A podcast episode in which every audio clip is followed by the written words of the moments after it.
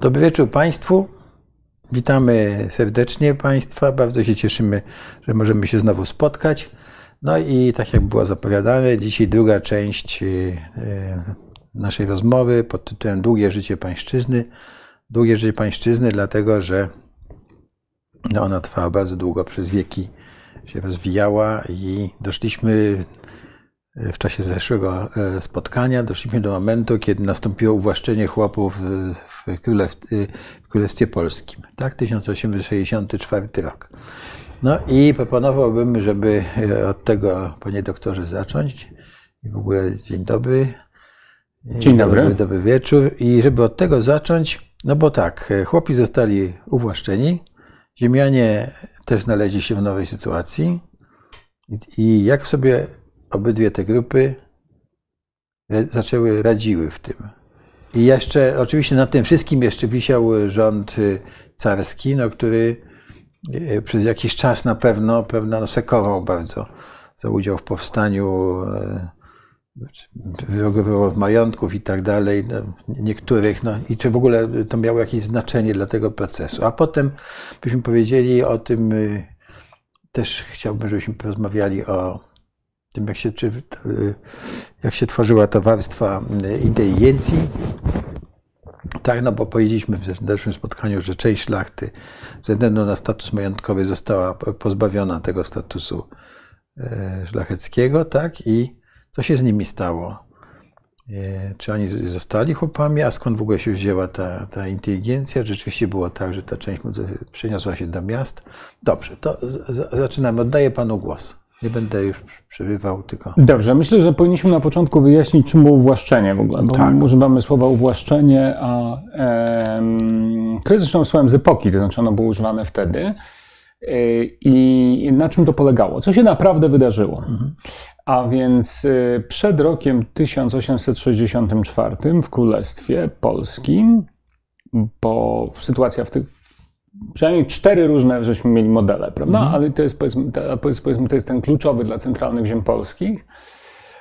A więc przed rokiem 1864 sprawa wyglądała tak, że e, e, właścicielem, chłopi mogli kupować ziemię i być właścicielami ziemi od przynajmniej pół wieku, plus minus powiedzmy, tak? mhm. odrobinę może dłużej. E, ponieważ w czasach Rzeczpospolitej Szlacheckiej legalnie e, nie wolno im było posiadać ziemi. Znaczy ziemi, przywilej posiadania ziemi był e, przywilejem szlacheckim. Majątku ziemskiego znaczy. I teraz, więc mogli posiadać ziemię. Część z nich, niewielka, nieliczna, nieliczna, tę ziemię miała na własność, na przykład w drodze wykupu, kupna, ale y, większość tej ziemi nie miała i mieszkała na gospodarstwach, które były formalnie własnością dziedzica. A więc y, y, mm, ziemia, którą uprawiali, była własnością dziedzica i w zamian za to, że ją mogli uprawiać, byli zobowiązani do różnych powinności pańszczyźnianych, płacenia czynszów, danin w naturze wtedy nie ale to, to są dawniejsze czasy. Czyli oni tam w większości zostali w tych samych miejscach e, zamieszkania. No I teraz, mieli, i teraz e, w ramach uwłaszczenia oni stali się właścicielami tej, tej ziemi, e, którą wcześniej tylko mieli w użytkowaniu. Przynajmniej od roku, to już to był proces, który trwał 20 lat, tak naprawdę, gdyż władze carskie rozpoczęły go mm, ukazem w roku 1846, który utrudniał na przykład usuwanie chłopów z gospodarstw. Część opinii szlacheckiej e, uważała wówczas, że oni zostali tak zwanymi właścicielami. To znaczy, to był jeden z argumentów konserwatystów, którzy mówili, nie trzeba robić uwłaszczania, ponieważ od e, ukazu Najjaśniejszego mm. Pana z 1846 roku oni są już właścicielami, no skoro dziedziczą tą ziemię, e, nie można jej z niej usunąć, e, ich z niej usunąć, no to znaczy, że są właścicielami. Przepraszam, ale sprecyzujmy, co to była za ziemia? Tą, którą oni, y, o której no, mówimy. No, bo, bo, bo to, to, to, nie była ziemia, która należała do, do dworu. To nie była to, że... Nie, nie, nie. To była ziemia, która należała do, była częścią majątku ziemskiego, prawda? Tak. I ten majątek ziemski był podzielony na kilka części. Tak. To znaczy e, takich funkcjonalnych części, prawda? Czyli były to gospodarstwa chłopskie, mhm. były to najważniejsze Były to grunta folwarczne, czyli grunta gospodarstwa ziemskiego, mhm. takie, których bezpośrednio dochód szedł do, do kieszeni dziedzica. I były też części wspólne, prawda? Były pastwiska, były... Mm, dworsko-chłopskie. E, słucham? Takie dworsko Chłopskie. To były części, które były, czy to były części, które były, to, to, były, to, to były obszary, części gospodarstwa, które były własnością dziedzica, tak jak całość formalnie. Mhm. Natomiast chłopi mieli prawo do tego w ramach kontraktu państw, układu pańszczyźnianego, żeby z nich korzystać w określonym zakresie. Mhm. To zresztą po uwłaszczeniu stało się kością niezgody pomiędzy e, e, chłopami i, i, i, dworem, ponieważ chłopi zachowali uprawnienia do tych serwitutów, tak zwanych, mhm. e, i właściciele często musieli je spłacać. Ale, albo jeżeli ich nie spłacali, to na przykład utrudniali chłopom korzystanie z nich już po uwłaszczeniu, mhm. ponieważ uważali, że skoro chłop nie odrabia pańszczyzny, no to nie ma powodu, żeby korzystał na przykład z pańskiego lasu albo z pańskiego pastwiska. E, I na tym tle dochodziło do wielu konfliktów e, przez następne 20 e, czy 30 lat i wykupy serwitutów ciągnęły się jeszcze bardzo długo, przez dziesięciolecia. Ale to nie, była, to, to, nie było, to była ważna sprawa. Ona była ważna psychologicznie, ponieważ jak wówczas pisano, fakt, te, te serwituty zostały specjalnie pozostawione w takim stanie przez carskich urzędników po to, żeby zasiać niezgodę pomiędzy dworem i, e, e, i chłopami, którzy byli wcześniej chłopami pańszczyźnianymi. Teraz, e, co się dzieje w momencie uwłaszczenia? W momencie uwłaszczenia mm, ziemia, którą wcześniej chłop miał tylko powierzoną w użytkowanie, tak. Dziedzicznie, z różnymi ograniczeniami, staje się jego pełną własnością. Czyli może ją sprzedać, może ją zastawić, różne rzeczy, którą normalnie właściciel w świecie kapitalistycznym E, może robić ze swoim majątkiem. E, no i teraz e, właściciele dostają odszkodowanie. To odszkodowanie jest, jest oczywiście za małe z ich punktu widzenia. Zresztą kwestia odszkodowań za utracone powinności pańszczyźniane jest i tego, w jaki sposób ono było wypłacane. Było najczęściej wypłacane w papierach wartościowych. Te papiery miały niższy kurs od nominalnego. Mm, mm, od tego, na który były formalnie wystawione. Znaczy, jeżeli chciał Pan zamienić gotówkę, no to dostał Pan, mm, dostał pan mniej niż one nominalnie były warte. E, oprócz tego, e, oprócz tego istniała jeszcze kwestia wyceny tych powinności pańszczyźnianych. Próbowano je wyceniać, e, przeliczając dniówki pańszczyźniane na określone na pieniądz. Ale dziedzice skarżyli się, że robiono to po bardzo niskim kursie. A więc nie dość, że. E, więc to oczywiście. To urzędy wyceniały? Tak, tak, tak. Komisje wyceniały Komisje. takie urzędniczo, urzędnicze. Też zresztą ziemianie skarżyli się wówczas bardzo, że mm, władza carska ma, stoi po stronie chłopów. To znaczy, że w momencie, w którym dogorywało wówczas, bo to, to wszystko się odbywa w momencie, w którym dogorywa powstanie mhm. styczniowe. Mhm. I e, kraj jest w ruinie, nie, nie tyle fizycznej ruinie, ale ruinie gospodarczej, ponieważ od e, dwóch lat w zasadzie się, czy tam, właściwie tak naprawdę niepokoje trwają znacznie dłużej. W roku już trzy lat, od 1861 roku, właściwie bez przerwy, czy z małymi przerwami. I no więc kraj jest, i ci właściciele są i tak w bardzo złej sytuacji finansowej, ponieważ chłopi i tak wcześniej nie chcieli odrabiać pańszczyzny, nie mhm. chcieli płacić czynszów. Tutaj trzeba powiedzieć, że w momencie wybuchu uwłaszczenia mniej więcej 40% e, chłopów pańszczyźnianych było oczynszowanych, czyli oni nie odrabiali już pańszczyzny, tylko wpłacali pieniądze. Mhm. E, no i teraz, mm, no więc to jest ogromny cios. Uwłaszczenie jest ogromnym ciosem ekonomicznym mm, mm, wymierzonym we właścicieli, na co oni zresztą też narzekają. E, mówią, piszą, że jest to spisek carski, że jest to, e, że jest to, że władza kupuje sobie, władza carska kupuje sobie chłopów ich kosztem, przychylność mhm. chłopów mhm. kosztem, nie swoje, nie, że jest to kradzież. Mhm. E, jednym z głównych argumentów przeciwko uwłaszczeniu, mm, e, powtarzanym zresztą nieustannie od momentu, w którym ta sprawa właściwie stanęła na agendzie, czyli powiedzmy od półwiecza, półwiecza mhm. wtedy, 50 lat. No to był argument, że no, to jest odbieranie ludziom własności. Mhm. I że fundamentem, są takie całe traktaty, nie jest ich tak mało, pisane przez te 50 lat, E, w których właściciele wywodzą, e, to są zawsze Ziemianie, że, że to jest, e, że, że, że, że uwłaszczenie czy odbieranie własności dziedzicom to podważa, godzi w fundamenty cywilizacji, że, że, że gospodarka królestwa się załamie, że nikt nie będzie pracował, że, że nastąpi ogólna katastrofa i upadek. No, no i głównym, jednym z głównych problemów tam z punktu widzenia właściciela fakt, że on tracił formalnie dużą część swoich, swoich dóbr, e, ona nie była aż tak istotna, ponieważ właściciele i tak poza pracą pańszczyźnianą od dziesięcioleci już nie czerpali z nich zysku mhm. bezpośredniego. Nie mogli usunąć już chłopa mhm. z, e, z tej ziemi, która była nominalnie własnością. Więc jakby mm, to był taki ostatni krok w odbieraniu, e, w przekazywaniu tej ziemi chłopom, który był rozpisany prawda, na, na dziesięciolecie. Także takie, taka kropka nad i tak naprawdę.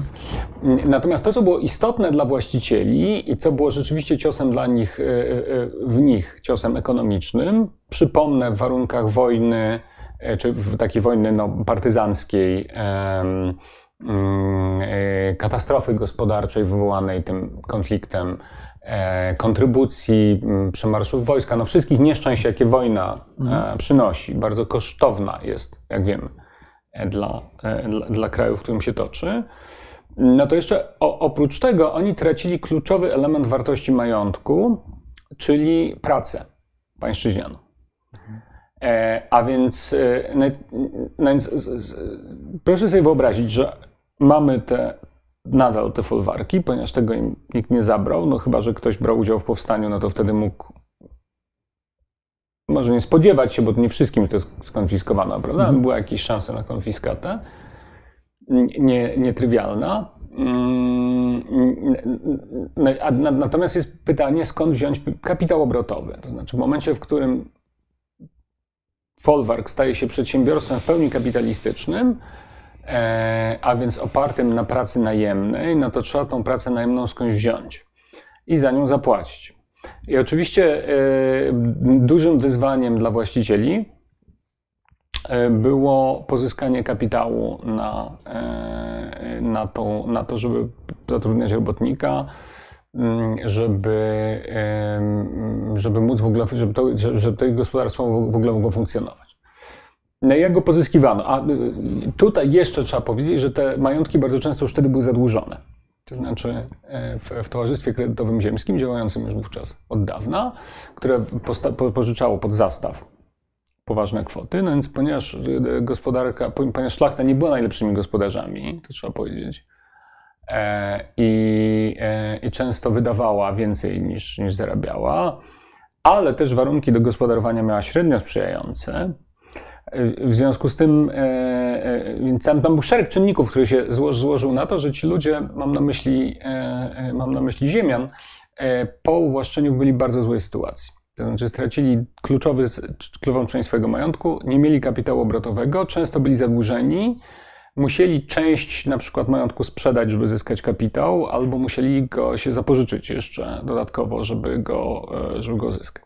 Od zastaw majątku, oczywiście. No oczywiście, to znaczy te, mm, te majątki już wtedy były bardzo często bardzo, jakby przed tą całą katastrofą, bo to była dla tej gospodarki katastrofa, no one już wtedy były często bardzo poważnie zadłużone.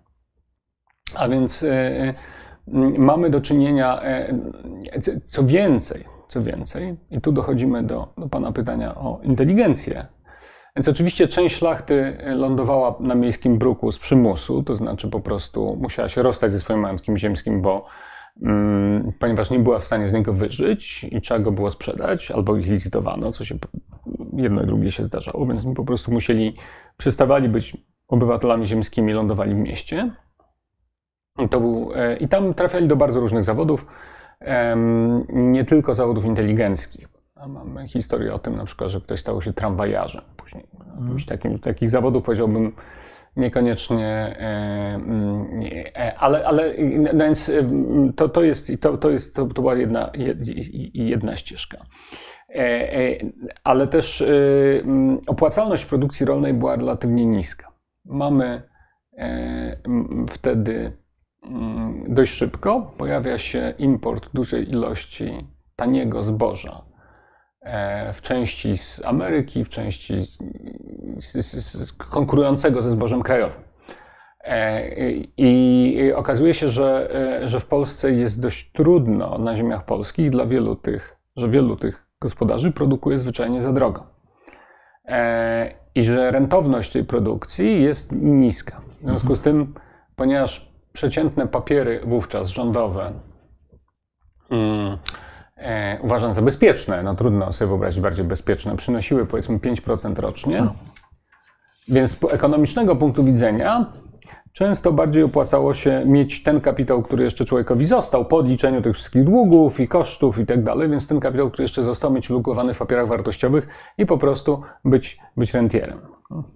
E, a więc mamy taką, e, a przynajmniej w części być rentierem, tak? więc mamy sytuację, w której szeregi ziemian, e, mimo że oni oczywiście byli, jeśli chodzi o styl życia, byli bardzo przywiązani do, do ziemi, e, byli bardzo przywiązani do swojego statusu jako właśnie. I tego też jest bardzo dużo w literaturze, prawda? że oni się uważali za tę właściwą część, najlepszą część narodu, mhm. że mm, przewodników, opiekunów tych chłopów, niezależnie od tego, co chłopi o tym myśleli, chłopi często mieli kompletnie inne zdanie na ten temat, prawda? ale, ale ziemiaństwo myślało o sobie właśnie jako, takich, jako takiej narodowej elicie, e, jako narodowej elicie. Więc dla nich to był status, z którym oni się bardzo ciężko rozstawali, bardzo dużym trudem rozstawali. E, ale równocześnie, no, po pierwsze byli zmuszeni, po drugie prądy ekonomiczne były nieubłagane e, i w efekcie mamy stały spadek liczby majątków ziemskich, powolny, ale stały do, do, i, w, i w okresie II Rzeczpospolitej. Znaczy mamy, ale też warto powiedzieć, że my w ogóle mówimy tutaj o bardzo niewielkiej grupie społecznej, to znaczy grupie liczącej pewnie u szczytu swojej potęgi, e, tak powiem, i wpływów e, kilkadziesiąt tysięcy rodzin. 20 tysięcy, 30 mhm, tysięcy. W królestwie całym, tak? E, na całych ziemiach, na całych ziemiach Polski. Hmm. Czego pewnie kilkanaście tysięcy w królestwie. Na całych ziemiach, znaczy mówię aż też o ziemiach zabranych. Aż też o ziemiach zabranych. Więc no mówimy tutaj o, o grupie no kilkudziesięciu tysięcy rodzin. No, ale dobrze, bo to, jeśli tak, Więc bardzo niewielki. Bardzo niewielki, bardzo ale, liczebny, to, to, ale bardzo ważny. To wróćmy na tę, y, do tej, na tę ziemię i tak, bo a po, po, właśnie dużo, za dużo o ziemianach. Może, może nie, nie, ale nie, bo to jest niezwykle no. ciekawe, bo tak, proces jest taki, ziemi jest coraz mniej i rozumiem e, majątków Stopniowo. ziemskich. To się odbywa bardzo tak, powoli. Tak, no, ale mówimy o 50 no, latach, no oczywiście. Wy, tak, ale e, tak, jest ich coraz mniej i rozumiem obszar ziemi, który jest w ich rękach, też się e, przez te 50 lat kurczy. To jest skomplikowane, I, ponieważ... I, to, co się pojawia na wsi w miejscu, no bo przecież ziemia nie leży od To, to jest skomplikowane, no, no. ponieważ e, różne majątki różnej wielkości różnie sobie radziły. Mhm. I majątki największe często radziły sobie z tym kryzysem najlepiej, chociaż równocześnie uważano i pisano wówczas są najgorzej zarządzane. To znaczy, że wielcy panowie mają kłopot z kontrolowaniem tego, co się dzieje w ich, w ich włościach. E, ale mieli też najgłębsze kieszenie, to znaczy oni mieli największy kredyt, mhm. największą możliwość inwestowania, na przykład w różne e, u, u, ulepszenia tego mhm. gospodarstwa, mm, albo inwestowania w różne inne działalności, mhm. na przykład przemysł. E, więc, mm, więc największe majątki radzą sobie relatywnie lepiej. Mhm to średnie, mniejsze średnie i najmniejsze majątki z reguły mają, e, mają najwięcej, najwięcej problemów.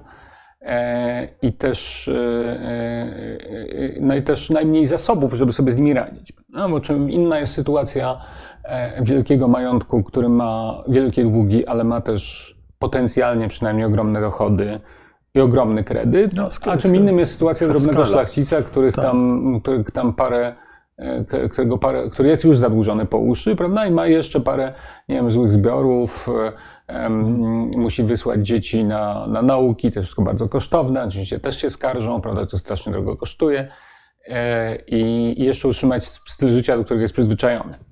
Mhm. Więc e, to się często okazuje niemożliwe. Przy zresztą nieprzesadnie wysokim, nieprzesadnie dużym współczuciu ze strony dużej części inteligencji mieszczańskiej już wówczas, to też trzeba powiedzieć. Jednym z najlepszych przykładów E, są kroniki tygodniowe Bolesława Prusa, tak. Mm, który w ogóle nie jest przyjacielem ziemiaństwa. To zresztą widać w lalce też, którą wszyscy czytali, ale w kronikach e, tam symbolem tego ziemiaństwa jest prawda, ojciec pani tak. Panny Izabeli, tak. E, który jest nieudacznikiem przecież. No, on mhm. traci swój majątek, jest takim schyłkowym, tak. niegdyś zamożnym panem. No ale pozytywną postacią jest prawda, Stanisław.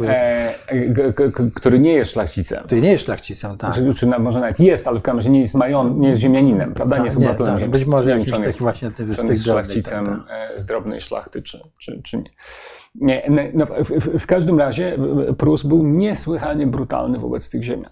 Mhm. E, e, pisał, jeżeli się czyta jego kroniki, mm, no to on pisze przez dekady, dekady, w latach 70. i 80., 90. XIX stulecia, no on pisze o nich same najgorsze rzeczy, że e, E, że nie czytają, e, że nie myślą, że są zainteresowani tylko wygodnym życiem i marnotrawią pieniądze, mhm. narodowe pieniądze w Monte Carlo. Prus tak. ma taką wizję, że, że oni e, są, że, że te majątki arystokracji to nie, są, to nie tyle są ich majątki, tylko że oni mają pieczę majątków, fragment, dużą część majątku wspólnego, społecznego majątku, czy narodowego mhm. majątku, nie powiedział narodowego. No i kiedy jakiś hrabiat nam siedzi w Paryżu i wydaje swoje, e, wydaje swoje ciężko wypracowane przez tutaj w, w, w królestwie pieniądze e, w, na, na, różne paryskie przyjemności, no to z punktu widzenia e, Prusa jest karygodne, no bo kraj jest jest tam masa nędzy, jest bardzo wiele tak, potrzeb tak. i jest taki okrutny, jeden z jego okrutnych felietonów Mm, dotyczący e, e, dotyczący, to o tym pisał wielokrotnie, wyścigów konnych na przykład mhm. właśnie. Tutaj e, właśnie ludzie w Warszawie na ulicach umierają z głodu, biedni umierają z głodu w tak. Warszawie, co się zdarzało. A, a tutaj państwo, prawda, wydaje nie wiem, 10 czy 100 tysięcy rubli na, na jakiś luksusowego konia tak, i na tak, zakłady. Tak. Więc to, to Prus uważał za, za karygodne marnotrawstwo mhm. i miał masę, bardzo wiele, to był jeden ze stałych tematów jego felietonu. No, czytam sympatii do, tego, do, do tych obywateli mhm. ziemskich, których uważał właśnie za niekompetentnych gospodarzy, e, często za ludzi, e, no może, którzy chcą dobrze, ale jednak marnotrawią ten majątek narodowy, który mają skromny bardzo majątek, dużą część mają swoje pieczy. A więc, e, więc tam to nie jest tak, że opowiadam, dlaczego o tym opowiadam? Żeby pokazać, to nie jest tak, że to, e, że to była grupa, mam na myśli tych ziemian, otoczona jakąś uniwersalną sympatią, prawda, wtedy. Mhm. Oni, oni mieli o sobie doskonałe zdanie, prawda? Jeżeli się ich poczyta teksty przez nich pisane, przez przedstawicieli, no to one często są właśnie, często są właśnie takie, że tu jesteśmy właśnie rdzeniem narodu, duszą, najważniejszą klasą, a bez nas Polski nie będzie, Polska się skończy i tak dalej, no to duża część inteligencji miejskiej, nie mówiąc, trudno powiedzieć, czy chłopi wówczas mieli jakiś pogląd na ten temat, e, i, i, i, i którzy podejrzewam, e, no, natomiast duża część świadomego społeczeństwa polskiego, powiedziałbym, narodowo, wtedy już tak nie uważała zupełnie. Mhm. Więc yy, także yy, to jest. Natomiast co się dzieje z kupami? Myślę, że to jest ciekawe. No, ma, yy, mamy do czynienia z. część majątków ulega parcelacji. Znaczy, po prostu część majątków jest sprzedawana. E, I, I, to nie jest, e, e, to nie jest świadome. Mówimy o majątkach chłopskich? Nie, nie, mówimy o majątkach, ciągle majątkach ziemskich. Ziemian. Majątkach ziemian. Tak, tak. Częściej jest, ponieważ się opłaca, jest taki moment, który trwa dość Kto długo. Kto kupuje tę ziemię? Głównie? No na przykład chłopi, którym się udało Kupują, dorobić. czyli tak, zawiększają swoje... Tak, mhm. tak, tak, Więc później, kiedy mamy już masową emigrację z ziem polskich, no to może z, z, z, można być w takich sytuacjach, w której chłop dorobiwszy się gdzieś za granicą przyjeżdża i tutaj chce się mhm. chce e, kupić ziemię. Kupić, kupić ziemię. Więc mm, parcelować się często opłaca e, i sprzedawać w kawałkach te, mhm. te wspaniałe, mm, te, te wspaniałe niegdyś folwarki. Mm, także mamy do czynienia, na tym tle jeszcze jest gigantyczna eksplozja demograficzna. Znaczy, to jest moment, w którym ludność rośnie. Mm, no nie powiem, że postępie geometrycznym, ale e, e, a, a, więc też pojawia się, ale bardzo szybko, a więc też pojawia się ogromny problem przeludnienia. Mamy. Mówimy e, o wsi. Tak, tak, tak. tak. Mhm. Gigantyczny problem przeludnienia, który będzie towarzyszył, towarzyszył wsi polskiej właściwie do, do połowy XX wieku, o ile nie dłużej. Więc do momentu wielkiej socjalistycznej industrializacji. Ale mamy te 100 lat, powiedzmy, mhm E, pomiędzy połową XIX wieku a połową, e, a połową XX, w którym przeludnienie wsi jest gigantycznym problemem społecznym. Czyli, że tam jest bardzo wielu ludzi, którzy nie mogą się, którzy z trudem utrzymują się przy życiu. E, I, I, dla których nie ma i nie będzie ziemi, bo jej po prostu nie ma dość. W tym sensie, że E, fizycznie jej nie ma dość. Nawet gdyby podzielić wszystkie pozostałe majątki, a część z nich jest nadal duża, mm, no to i tak nie wystarczyłoby tej ziemi na obdzielenie wszystkich chłopów ziemią w takim stopniu, żeby oni mogli się w miarę komfortowo utrzymać przy ówczesnej technologii, technologii rolnej. Więc e, to jest taka kwadratura koła, zresztą która jest przy wszystkich, e, pojawia się przy obu próbach mm, reformy rolnej w Polsce, czyli zarówno tej, tej reformie wykonanej w niewielkiej części w latach dwudziestych, e, jak i reformie komunistycznej, wykonanej przez. E, potem jeszcze rozumiem, była też ta reforma w latach 30., tak? Poniatowskiego, czy, te, czy się mylę? Znaczy, to, była, e, to, to, było tak, że ją prowadzono systematycznie przez, mhm. przez, mhm. przez, z różnym natężeniem, słabnącym zresztą. W latach, do tego wrócimy. W latach 20. i 30. E, I oczywiście konflikt o, o ziemię jest, e, konflikt o ziemię jest gigantyczny. To znaczy, mm, to jest e, stały element tekstów z XIX i XX wieku. W przypadku wieku XIX no to jest przede wszystkim konflikt z właścicielem, z dziedzicem mhm. chłopów pańszczyźnianych.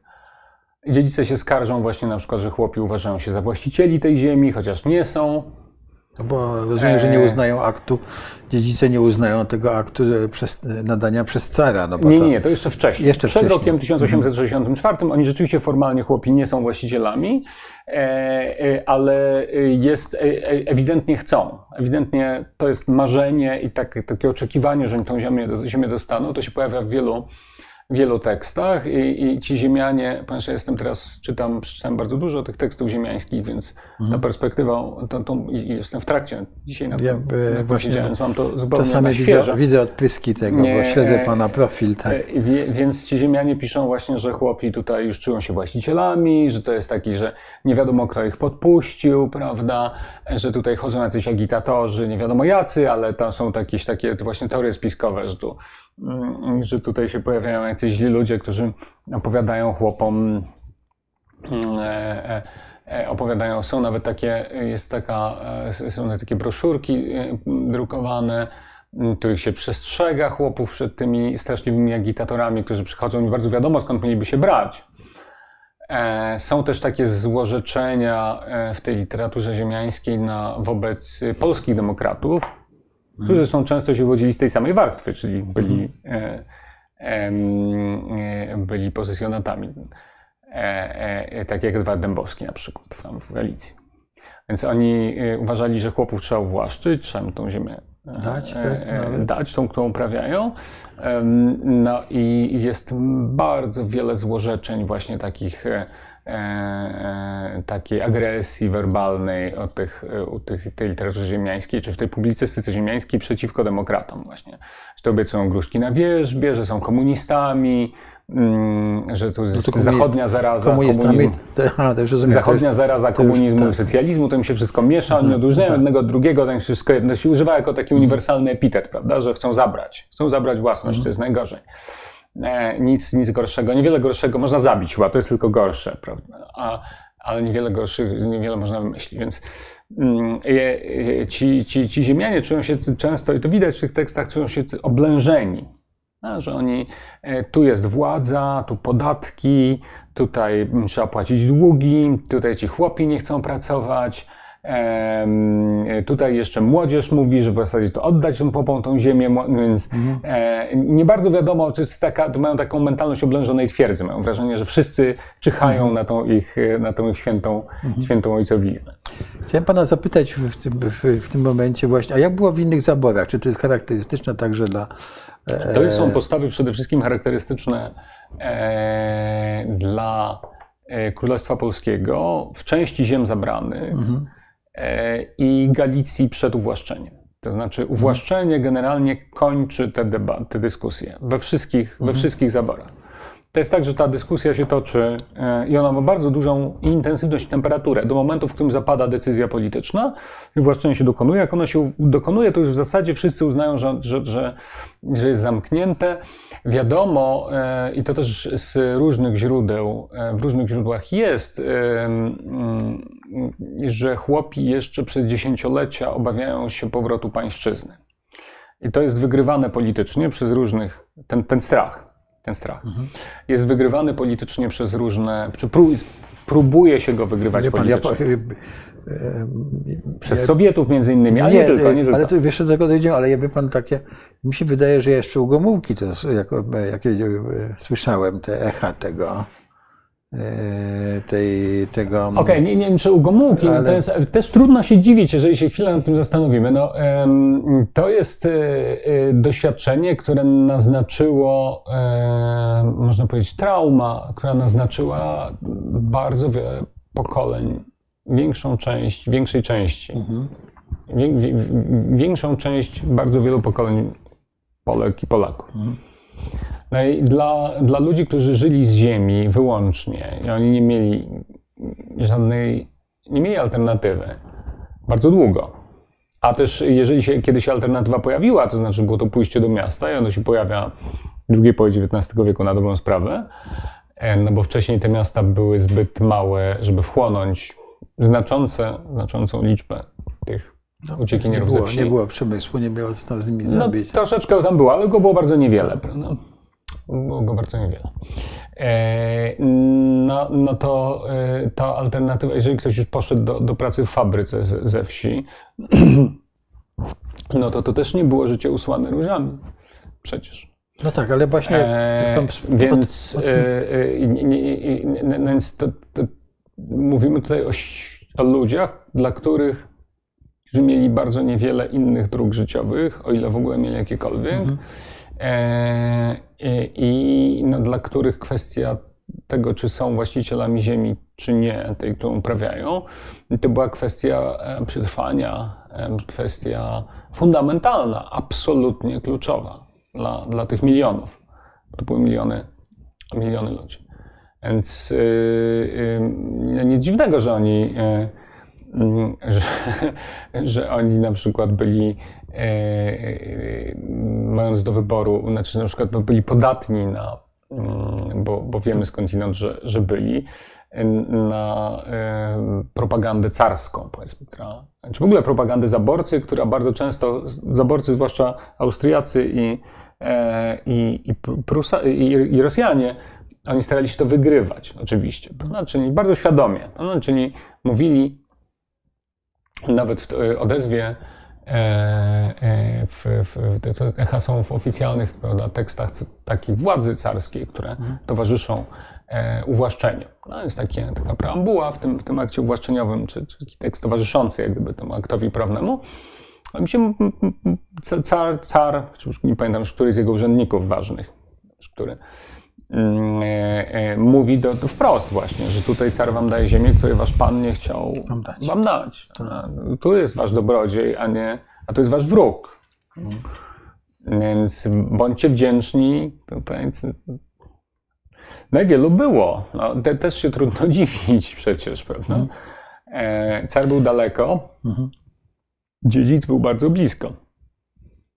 A no jeśli chodzi o zabyt pruski, bo w czasie poprzedniego spotkania użył Pan sformułowania, że w zaborze pruskim cała ta kwestia uwłaszczenia i w ogóle. Tak, ona została, była, została, pan słowa wzorcowa nawet, tak? Ona została załatwiona bardzo wcześnie. To znaczy, rząd, rząd pruski uwłaszczył, uwłaszczył chłopów mhm. w pierwszych dekadach, bo to też był proces rozłożony na etapy, już nie mhm. zagłębiać szczegóły, ale powiedzmy w ciągu dwóch pierwszych dekad XIX stulecia, dwóch, trzech. No. mhm. I, e, I ta sprawa w zasadzie była załatwiona. To znaczy uważano, że e, i, i co więcej pisano wówczas, że dzięki niemu, że, że dzięki temu, że to w jakimś sensie było, Prusacy strzelili sobie e, w, w, w, w stopę, ponieważ zamiast skłócić Polaków, sensie polskiego chłopa z polskim dworem, to usunęli powód do, do zatargów i, i spowodowali, że, oni, że, że, że, ten ziemianin i chłop mógł razem stawiać opór mm, no, ale akcji z Niemczech. możemy powiedzieć, że... To nie było do końca tak, no przepraszam. No właśnie, bo przecież... że nie było do końca tak, to była, wydaje mi się, że jest tam dużo takiej projekcji, ale niemniej jednak, e, ponieważ e, mm, e, były na przykład przy rewolucji 1848 roku Obiecano e, zniesienie na przykład dzierżawcom, już tam wtedy mhm. wówczas czynszów poznańskim. E, no i potem e, i obiecali to w czasie powstania polscy właściciele, że będą, nie będą pobierali czynszów. Po czym, kiedy powstanie upadło i okazało się, że Polski nie będzie, to oni wystąpili do sądu pod, wobec chłopów o te czynsze, które mieli wcześniej darować. No, Jest taki piękny tekst. A to było powszechne, czy, czy takie? Powszechnie, powszechnie. No, więc jest taki piękny tekst w jednym z e, poznańskich czasopism wówczas, w 1849 roku publikowany, e, w którym właściciel mówi, no a jeden z, ten, a ten publicysta mówi, no owszem, obiecywaliśmy wam zniesienie czynszów, jak będzie wolna Polska, a Ale... wolnej Polski nie ma, no to trzeba płacić. no bardzo nam przykro. Nie, bo, bo przecież to, do, dosłownie coś takiego 48 rok w zaborze pruskim, to ile pamiętam, no to nie było takie, e, znaczy nie, no był tam Mierosławski gdzieś tak, tam w tak, okolicach tak, tak. Gniezna, tam naprawdę były jakieś jedna czy dwie bitwy, ale, ale w zasadzie... No właśnie, że było... obiecywaliśmy, że jak będzie tak, Polska, że tutaj no, mamy rewolucję w, w ja, To jednak zburzył pan troszkę moje mój ogląd, że to było takie. Yy, taka zgoda. No, tak? ale to się zresztą dość często zdarzało. To znaczy taka sytuacja w tym samym czasie, na przykład, kiedy mm, w Galicji, w Galicji, kiedy znoszono pańszczyznę w roku 1848 znowu, mm, zanim rząd austriacki e, wydał, oficjalnie zniósł ją aktem urzędowym, no to y, była akcja, żeby polscy właściciele sami darowali, sami darowali mhm. tą pańszczyznę i uwłaszczali chłopów. No i niewielka część tych ziemian, między kilka do 10%, rzeczywiście to zrobiła. A to był czyj apel? E, no to był apel demokratów. To Demokrat? był apel władz. Aha. Tak, tak, tak, tak. To był apel, apel demokratów. Chodziło o to, żeby pozyskać chłopów dla sprawy narodowej. Mhm. No więc e, i, i uprzedzić w ten uprzedzić, e, to był apel migracji demokratycznej, prawda? żeby darować im pańszczyznę, w związku z tym mm, nastawić ich przeciwko władzy austriackiej i do przyszłego powstania, które planowano. Czyli, czyli ten wątek pozyskania chłopów Sekundę, do sprawy narodowej. to nie jest koniec. To nie jest koniec tak, tej historii. Mianowicie, kiedy okazało się, że rząd austriacki zniósł pańszczyznę, i mhm. wszystkie nadzieje związane z rewolucją się, się upadły, e, no to ci właściciele wycofali się ze swoich donacji e, pańszczyzny, w sensie ci, ci którzy darowali chłopom pańszczyznę, odwołali to, e, po to, żeby otrzymać odszkodowanie za zniesioną pańszczyznę od rządu austriackiego, indemnizację. Rozumiem. Czyli Czyli w zasadzie to, co chciałem powiedzieć, że te zabiegi o pozyskanie chłopów do sprawy narodowej, to one były no, no, ciągle się powtarzały. Rozumiem, i, i, to, no, żeby było takie falowanie, prawda, że tutaj wam e, znosimy, prawda, ale jak się nie uda, to zabieramy, no to ja, ja rozumiem, że to no, nie budowało zaufania między, tak, między jedną i drugą warstwą, czy, czy ja społeczną, myślę, czy klasą. Jest, ja, ja myślę, że to jest e, naprawdę E, świadczy o mm, głębokim patriotyzmie polskich chłopów, to jest to, że oni e, e, mimo tego wszystkiego, jednak część z nich uważała, że walka o Polskę jest dobrym pomysłem. Dobrze, to, no to, po, to i, i spróbujmy i pójść dalej właśnie w tej... Że, że, że, że, że mimo tych wszystkich Tak.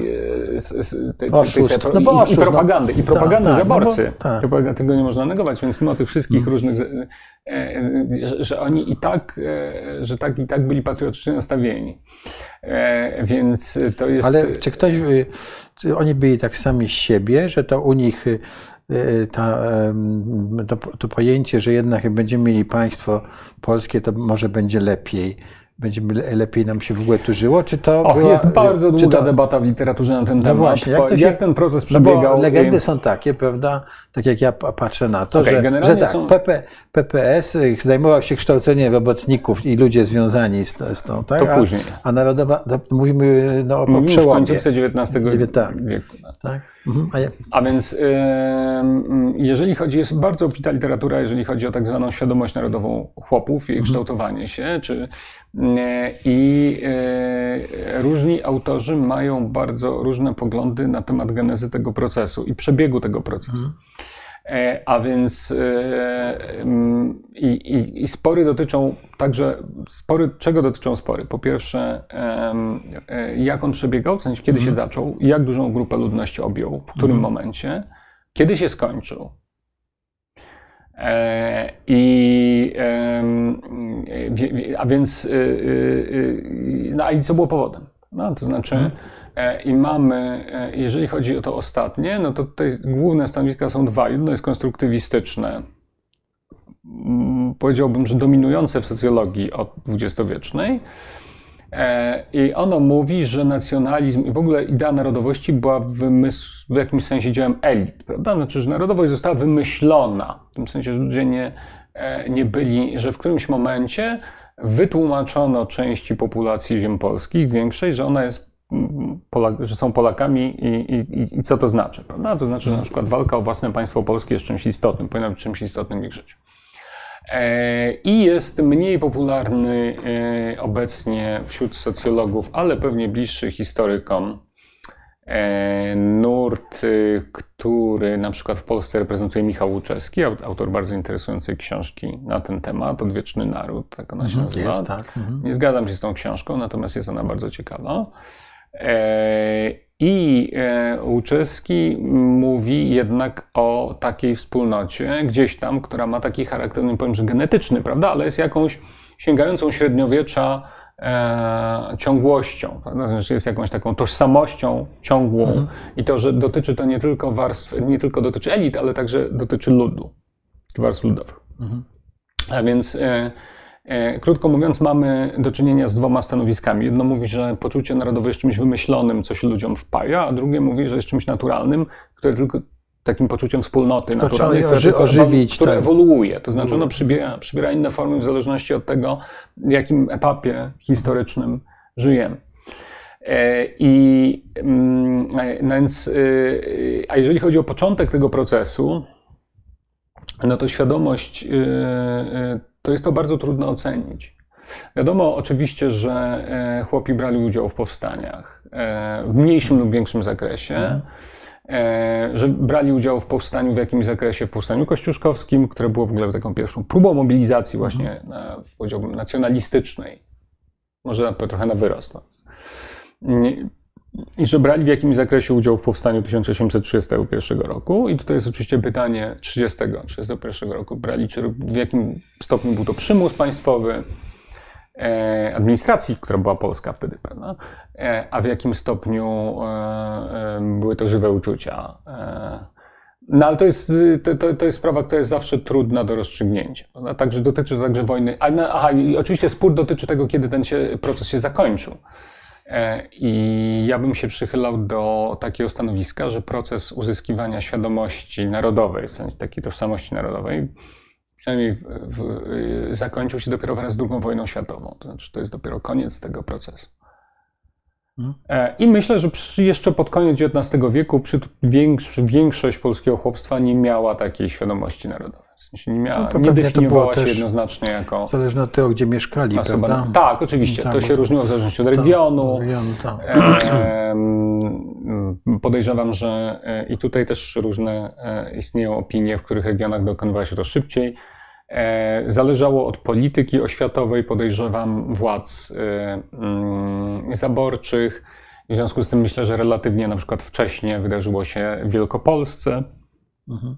Gdzie z jednej strony Prusacy wprowadzili mm, nowoczesne jak na tamte czasy i powszechne szkolnictwo, a z drugiej strony było to szkolnictwo, które paradoksalnie tłumaczyło e, Polakom, że są Polakami. To znaczy cały mhm. czas e, e, przeciwstawiając ich mhm.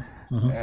czyli jak gdyby podtrzymywano, niemieckości. Tak, czyli podtrzymywano tą odrębność i i ten po polsku. Tak, Polskę, to znaczy, tak. że represje i akcje zniemczania bądź też rusyfikacji niekoniecznie przy, przy, przynosiły zamierzony rezultat, być może przynosiły Od, odwrotny, odwrotny, odwrotny od zamierzonego. Mhm.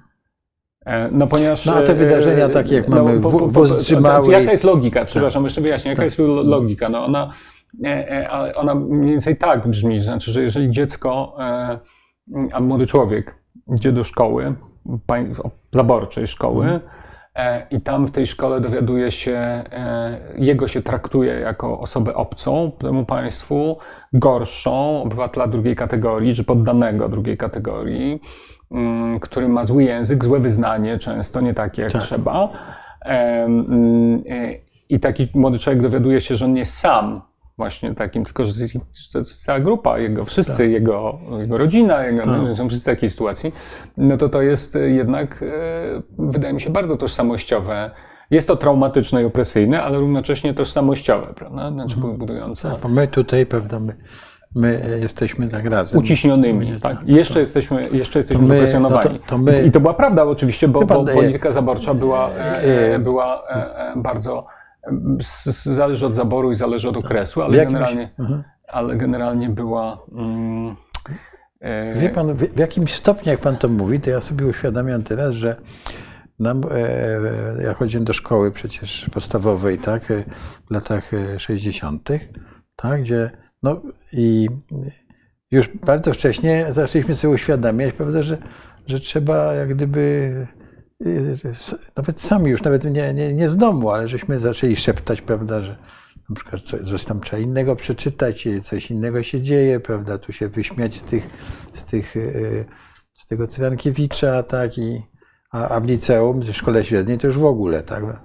trzeba posłuchać Wolnej Europy.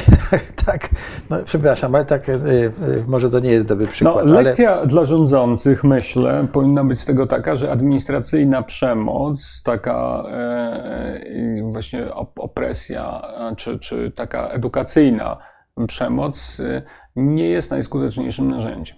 Mhm.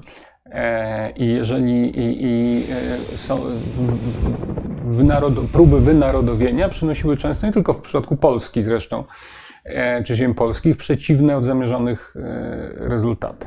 Mhm.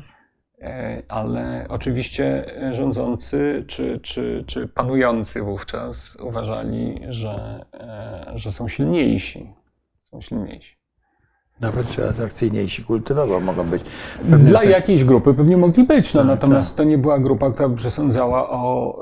No bo wiele jest pamiętników tych Polaków, którzy jeździli studiować, prawda? Nie wiem, studiowali nie, nie wszędzie, w królestwie to nie wszędzie mogli, to jeździli, nie wiem, studiowali w, w Rydze, na Politechnice, w Wrocławsburgu, no to mój stryj tam studiował, tak? I, ale w dalszym ciągu pozostawali Polakami, nawet jakby... No tak, ale to nie jest tylko przypadek e, studentów. Ja wiem, ale to, ale to jest przypadek urzędników. Urzędników, urzędników tak. czyli tak. ludzi, którzy byli na przykład urzędnikami państwa, mm, czy monarchii austro-węgierskiej, czy, czy, czy Rosji carskiej, i często byli lojalnymi urzędnikami tych, tych tak. krajów.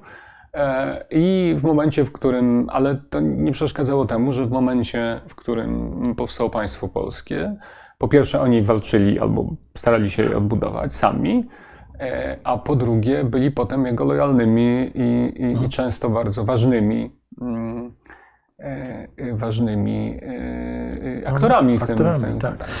Więc, także tu mam też tak, także no, oni, oni, oczywiście, mam na myśli naszych przodków, no oni oczywiście musieli sobie radzić pod zaborami. Tak. E, ale i musieli jakoś przeżyć. No ale to samo się e, chyba wydarzyło z, Czech, a niektórzy, z Czechami. niektórzy chyba... starali się robić kariery tak, również, tak. czego też trudno większości no, wypadków Niektórzy byli generałami, generałami w armii Tak, ale potem się okazywało... a potem, potem potem się byli generałami armii polskiej. Potem się okazywało, że, że per saldo nie miało to takiego znaczenia. W tak. ostatecznym rozrachunku, znaczy, że oni się nie wynarodowili tak. przez to. Tak. Cokolwiek myśmy...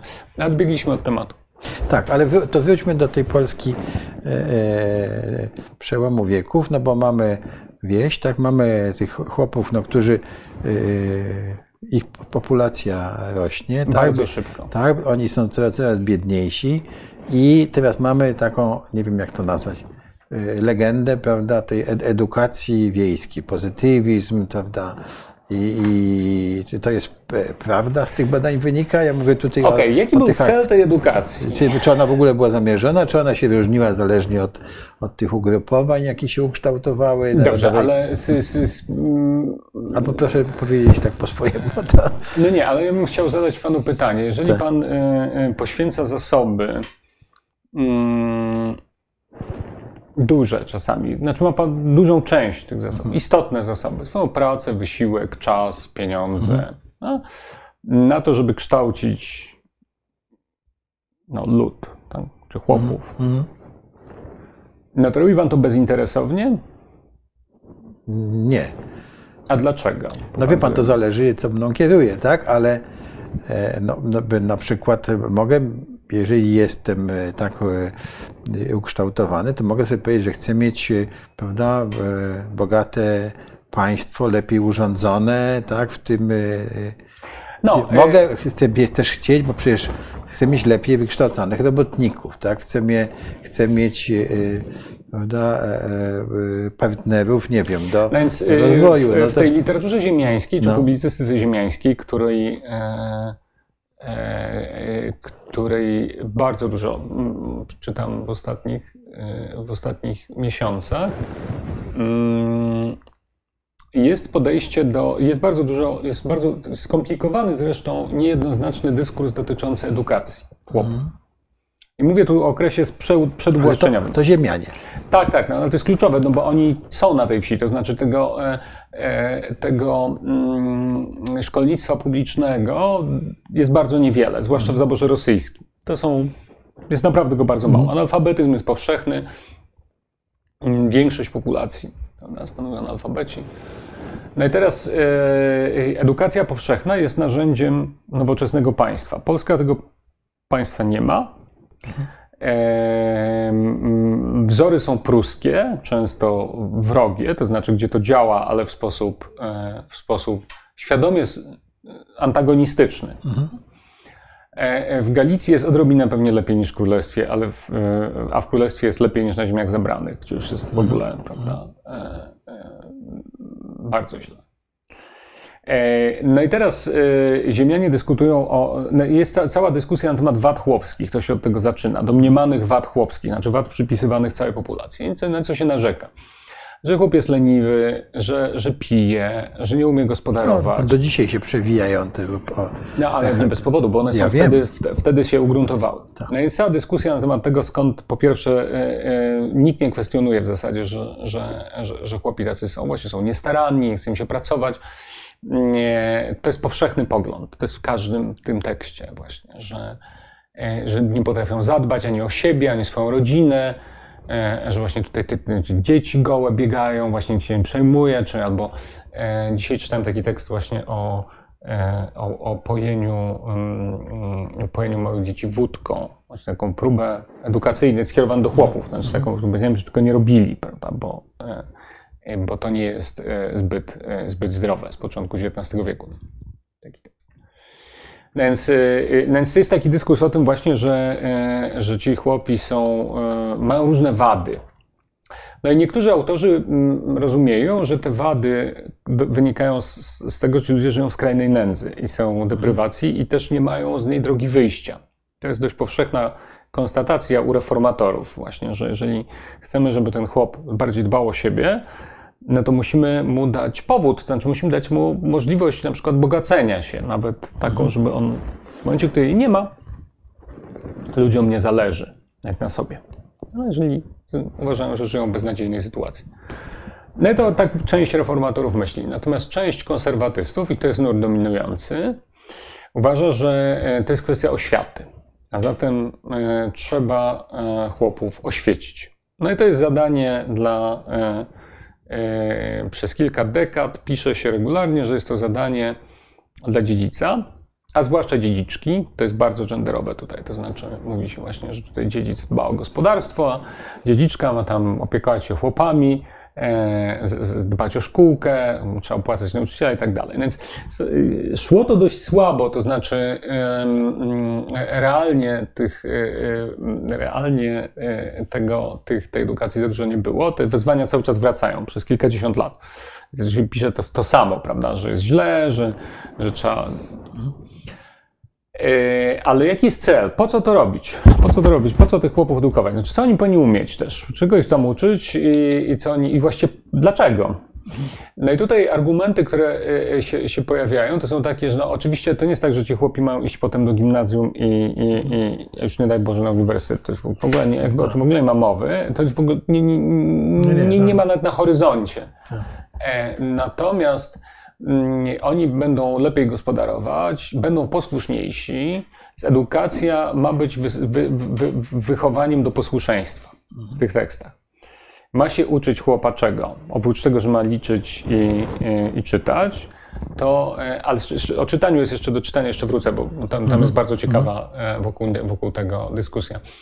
E, natomiast ma, ma, ma liczyć i, i, i, czytać, i oprócz tego mm, ma się go uczyć właśnie, żeby nie kradł, ponieważ złodziejstwo jest jedną z cech przypisywanych e, mhm. chłopstwu. Ma się liczyć, e, ma być, e, ma być posłuszny mhm.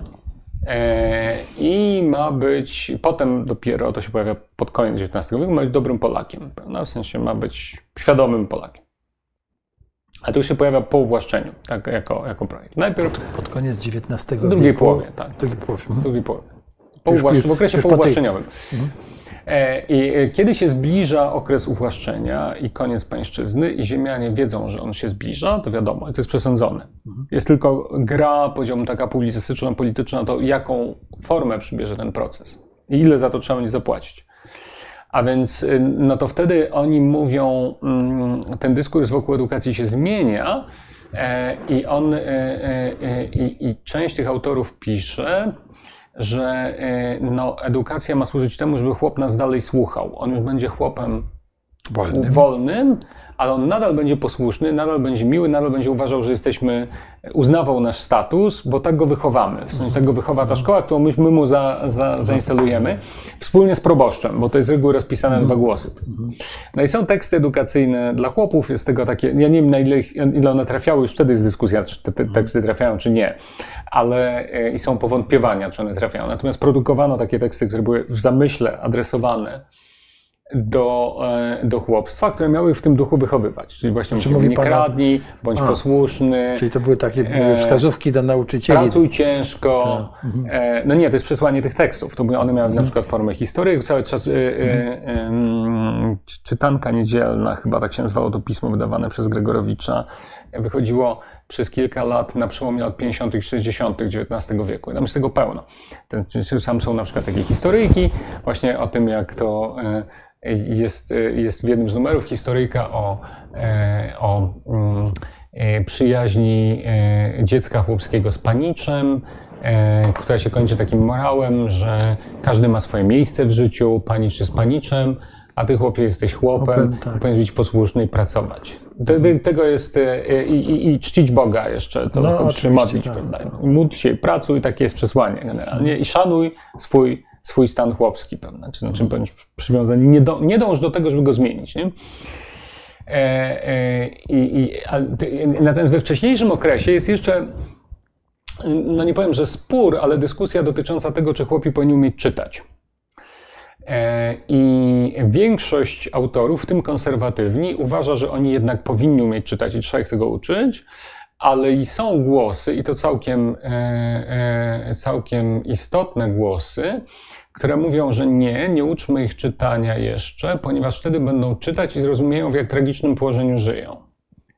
E, I, I, tego, e, to, to, to, jest otwartym tekstem pisane, jakby, znaczy ta motywacja, mhm. tej motywacji nie ukrywa, że, że, że, że, poczekajmy, aż mu się poprawi i wtedy można im zacząć, e, zacząć ich uczyć czytania i pisania, ponieważ no, wtedy będą mniej podatni na przykład na różnych demagogów, czyli tych, nie, tych socjalistów, tych, tych, socjalistów tak, tak, tak, tak, tak, że przyjdą i powiedzą, że na przykład ziemia im się należy. No więc, mm, no więc była taka obawa.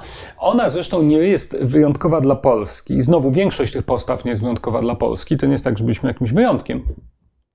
E, e, e, I na przykład w południowych Stanach Stanów Zjednoczonych, mhm. Stanach niewolniczych, wprowadzano prawa, które pod sankcją karną zakazywały uczyć niewolników czytać i pisać. Więc tam były formalne zakazy uczenia niewolników czytania i pisania właśnie z tego powodu. To był dokładnie argument że oni zrozumieją wtedy. A tak będzie, będą niewykształceni i szczęśliwi. To jest też to u nas się pojawia, tak. prawda? No prosto, teraz, są, teraz nic nie wiedzą o świecie, są takie teksty też. Teraz nic nie wiedzą o świecie, to są, żyją prost, prost, prosty i szczęśliwy, a jak już tak. im powiemy, jak świat działa, no to wtedy Chłopek, oni... Się pamiętam, ten chłopek szczęśliwy sobie tam orze i ten coś tam. A to było oczywiście, to było oczywiście tak. wyobrażenie, to tak, znaczy tak. tych wyobrażenie tych, tych... Więc edukacja do czego zmierzam?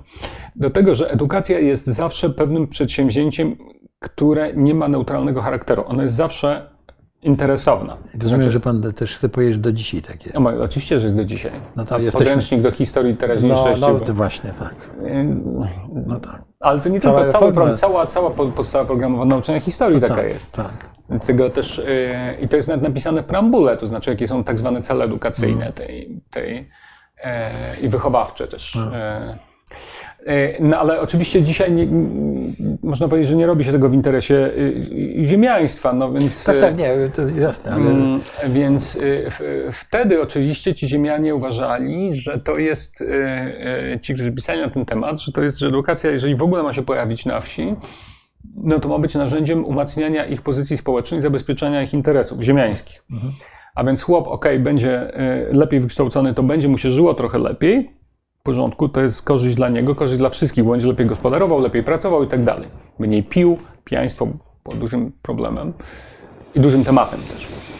E, a e, no więc e, jemu się poprawi, ale też my będziemy mieli zagwarantowaną naszą pozycję, bo mm, dzięki tej edukacji mm, właśnie chłop nie będzie kradł, albo będzie kradł mniej, będzie się modlił, Kościół go nauczy, że ma, ma, się cieszyć ze swojego statusu w życiu i że nagroda czeka go w życiu pozagrobowym. Takich tekstów też jest dość dużo. Są, e, jest na przykład e, też z lat 50. XIX stulecia elementarz dla chłopców wiejskich, chłopców, nie dla dziewczynek, uwaga, jest zatytułowany. E, I, I tam w tym elemencie, to jest elementarz dla, dla dzieci, prawda? Tam mhm. są litery, no tak, ale też są pogadanki o życiu wiejskim. To część, mhm. Druga część tego elementarza są takie pogadanki o życiu, tam jest właśnie coś o sianiu, coś o zbieraniu, coś tam o szacunku dla starszych i tak dalej, z tego, nie? I w, w, wewnątrz tych, tych nauk moralnych, w środku, jest też nauka właśnie bądź posłuszny, pan jest panem, e, ksiądz jest księdzem, szanuj pana, szanuj księdza, e, ciężko pracuj nie kradnij. O, to są takie, mhm. e, e, takie, takie komunikaty. No i wydawało się wielu tym, e, wielu tym, tym, tym ziemianom, wydawało się, że oni za pomocą takiej akcji, czy takich właśnie narzędzi będą w stanie utrzymać, a przynajmniej obronić część swojego statusu społecznego. Mhm. A czy były, no bo tu mówimy o ziemianach. I, i, przepraszam, edukacja jest zawsze narzędziem władzy, więc tak. e, ale, no i to nie jest zaskakujące, czy, były tak inne, Czy były inne ośrodki, czy inne grupy? Bo już mówimy już o późnym wieku. Y, w, ogóle w, Polsce, czy mówimy o tym, tak, że, że jednak ten pogląd na edukację był inny, to znaczy, że... No nie, ale że, jeżeli na to popatrzymy... Y, jeżeli na, wiesz, no bo, no, socjaliści, panu... socjaliści prowadzili swoją edukację, która docierała e, ja nie, trudno jest powiedzieć, ja nie znam w każdym razie żadnych dobrych. E, e, to, jest bardzo trudno zbadać, no bo jest to bardzo tak. trudno ocenić w jakim stopniu doceniała, do, do, docierała. Więc socjaliści prowadzili swoją własną edukację, ale ona miała na celu? na celu oczywiście wyrobienie postaw, na których socjalistom zależało. Mhm. A więc pokazaniu chłopom, pokazaniu chłopom, że są E, zopresjonowani, że to można zmienić, że jest rewolucja za, za, za progiem, mhm. e, że wtedy ich życie będzie lepsze, że, są, e, że oni są ofiarami tego pana i urzędnika carskiego i, mhm. i, i plebana. No to taka była edukacja socjalistyczna. Znaczy, oprócz tego, że ci ludzie, mm, mam na myśli osoby, które były edukowane, ci ludzie uczyli się różnych istotnych rzeczy, ważnych rzeczy o świecie, bo oni oczywiście się uczyli, no to oprócz tego oni się uczyli również takiego przesłania. Mhm. I z drugiej strony bardzo szeroki projekt edukacyjny na wsi, bardzo szerokie prace prowadziła Narodowa Demokracja, mhm. która była tam. A ich, a, a, ich, a ich, że tak powiem, cel edukacyjny był? E, no, wychowanie sobie Polaków. Po pierwsze, wytłumaczenie chłopom, że są Polakami. Po drugie, że ich obowiązki, tak zwane obowiązki polskie, to są obowiązki takie, jak sobie wyobraża Narodowa Demokracja. E, I tutaj, e, przynajmniej od rewolucji 1905 roku, a, a być może wcześniej, e, Narodowa Demokracja miała wsparcie dużej części środowisk ziemiańskich. To znaczy, że one zgłosiły akces. Przestały być konserwatystami w takim tradycyjnym tego słowa znaczeniu i coraz większa część zgłaszała akces do tak nowoczesnego nacjonalizmu. Mhm. Który w, w, w, pierwotnej swojej postaci był ideologią radykalną. On nie był ideologią konserwatywną, był demokratyczną, radykalną ideologią. E, a więc e, i nie był przesadnie lubiany w kręgach ziemiańskich też na samym początku. A więc y, y, y, no i tutaj na przykład czasopismo Polak polecam mhm. lekturę, jest bardzo e, wychodzące. Mhm. E, e, bardzo to, te, tego wydawano naprawdę tego wydawano naprawdę dużo i to są teksty, to są takie gazetki mm, bardzo ciekawe, bo one mają tam właśnie różną, różne autentycznie edukacyjne rzeczy, zawierają różną, dużo informacji na świecie, ale na przykład zawierają też powieści o historii Polski albo e, e, właśnie opowiadania o królach, e, o, o, o, tym, jak że Polska była wielka w przeszłości, prawda, i teraz trzeba z takim przesłaniem, że oczywiście trzeba ją, e, że, że możemy do tego wrócić. Tak. E, co jest ciekawe w tych tekstach adresowanych do chłopów, to jest to, że one bardzo często zakłamują e, pańszczyznę. To znaczy zakłamują historię, mhm. Która tych chłopów naj, naj, najbardziej żywo dotykała osobiście. Mhm. A więc na przykład często się pojawia taki pogląd, że szlachta polska zawsze chciała znieść pańszczyznę, tylko jej zaborcy zabraniali. Mhm. E, albo mm, to jest jedna z podstawowych takich, mhm. Mm, albo że właściwie e, że Konstytucja 3 maja uwolniła chłopów. To jest nieprawda, ona nie mhm. uwolniła tak, chłopów. Wiemy, to wiemy. No. E, albo że no jest tam cały szereg takich kłamstw, mhm. które się notorycznie pojawiają i to są jawne kłamstwa, w tym sensie to są, to są po prostu nieprawdziwe rzeczy, które mhm. się tym chłopom podaje, żeby im pokazać, że szlachta polska zawsze była z nimi. Mhm. Że, e, jeden, że... jeden tylko cud z polską szlachtą polski tak, tak, tak, tak, że to, że, to, e, że to obcy w szczególności albo na przykład, że to nie, nie szlachcic uciskał, tylko Żyd mhm. i urzędnik carski. No tak. um, więc, więc takie są e, w, w, tej literaturze adresowanej do chłopów, zwłaszcza z końca XIX e, wieku i z początku XX, jest tego bardzo dużo. Mhm. Że um, właśnie, że, że, że tu byśmy E, że, że, polska szlachta to by nieba tym chłopom przychyliła, e, ale, e, ale zawsze nie wychodziło, bo zawsze źli ludzie, zawsze, przesta- za, zawsze źli ludzie przeszkadzali, zawsze źli ludzie przeszkadzali.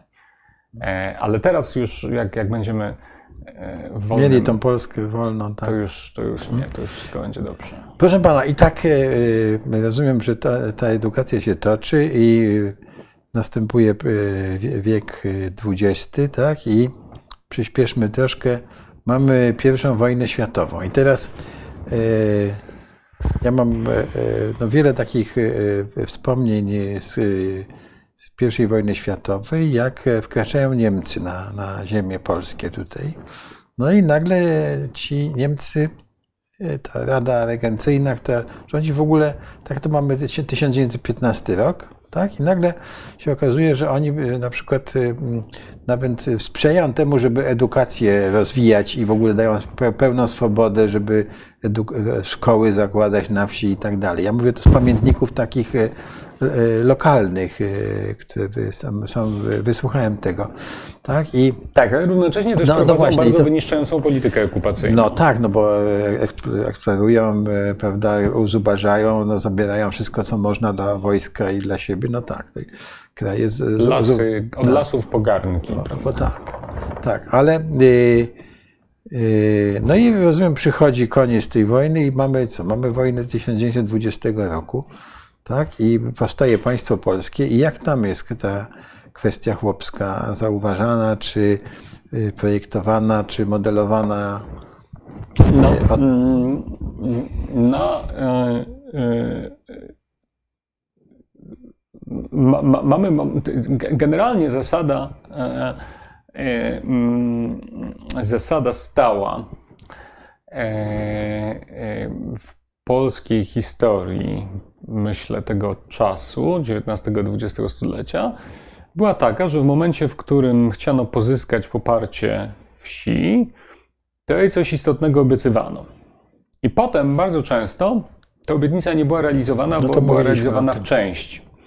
I to jest też przypadek wojny 20 roku. To znaczy, w momencie, w którym bolszewicy zbliżają się do Warszawy, e, Sejm uchwala w tempie dość ekspresowym reformę rolną. E, I e, reformę rolną, czyli podział mm, ziemi, tej, która no, jest do tej pory własnością wielkich gospodarstw, mhm. tych, jeszcze. Czyli ziemiańską, ziemiańską. to tak. No i co się dzieje dalej? No dalej okazuje się, że w momencie, w którym zagrożenie zostało odparte, mhm. okazuje się, że ta reforma jest niekonstytucyjna.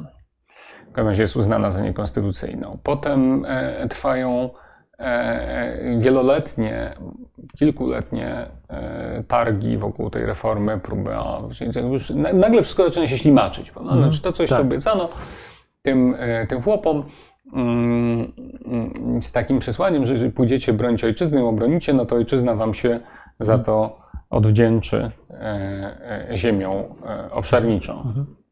Nawiasem mówiąc, słowo obszarnik nie jest słowem komunistycznym, było używane znacznie wcześniej. Należało do słownika socjalistów i oczywiście było źle nacechowane, mhm. nacechowane no. pejoratywnie. Tak, no. tak.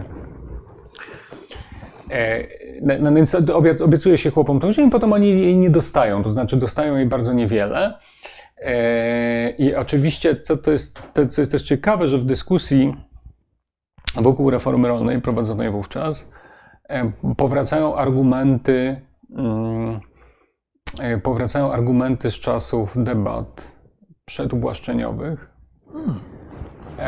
I na przykład wychodzi w, w Sejmie, występuje poseł jeden z posłów ziemiańskich, Chciałbym sprawdzić, już nie pamiętam, nie pamiętam wyleciało mi z pamięci nazwisko w tej chwili, ale mhm. mam ten cytat. E, I mówi, że nie można oddawać chłopom tej ziemi, bo oni ją natychmiast przepiją, nie potrafią gospodarować mhm. i, e, i zastawią u Żyda, co było oczywiście, e, czy, czy oddadzą Żydom. I to jest dokładnie ten sam argument, który 50 lat wcześniej, ponad 50 lat wcześniej e, wytaczano przeciwko no ale rozumiem, że byli inni posłowie, którzy to. No nie, oczywiście, no, ale to no. też sprawa jest gardłowa, prawda? To znaczy, wieś musi otrzymać komunikat jasny, że ma po co walczyć za, za, ten, za, za, za ojczyznę. I e, Nęcona to, to się uchwala, a potem Witos zostaje premierem. Też jest symboliczne przecież. Mm, no a potem się okazuje, że, to, to że, że, że, po pierwsze ta, ta reforma wchodzi w okrojonej postaci w życie, tam na różnych etapach ją się e, e, jakby wyrywa się jej zęby, ta, ta, a, a potem jeszcze w dodatku ona ma się dokonywać stopniowo i, i nie ma, na, na, jej wykonanie nie brakuje zawsze pieniędzy. No, w związku z tym ta, ta parcelacja majątków postępuje bardzo powoli. To przypomnijmy, że te e, właściciele ziemscy, których majątki parcelowano, mieli dostać odszkodowanie od państwa. Tak jest. No i to odszkodowanie trzeba skądś wziąć, tak. no, ponieważ w budżecie, jak, jak to zawsze w polskim budżecie. Mhm. No teraz budżet jest. E, Może poza, ale bez, zazwyczaj, dna, tak? zazwyczaj w polskim budżecie państwa polskiego zazwyczaj nie ma. Mhm. E, nie było. E, nie było z nim za dobrze zwykle. Mm, więc tutaj tych pieniędzy też nie ma. To jest kwestia priorytetów oczywiście, to znaczy reforma przestaje być priorytetem i ta parcelacja postępuje bardzo powoli. E, ale też e, zmienia się na takie zasady, na przykład e, wprowadza się zasadę,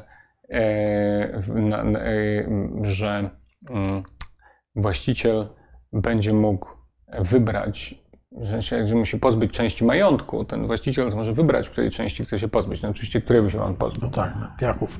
No tego, co jest najmniej wartościowe. No. Tak. E, zwiększa się też e, w ostatecznym wariancie obszar gospodarstw, które nie podlega, które nie podlega parcelacji. Mhm.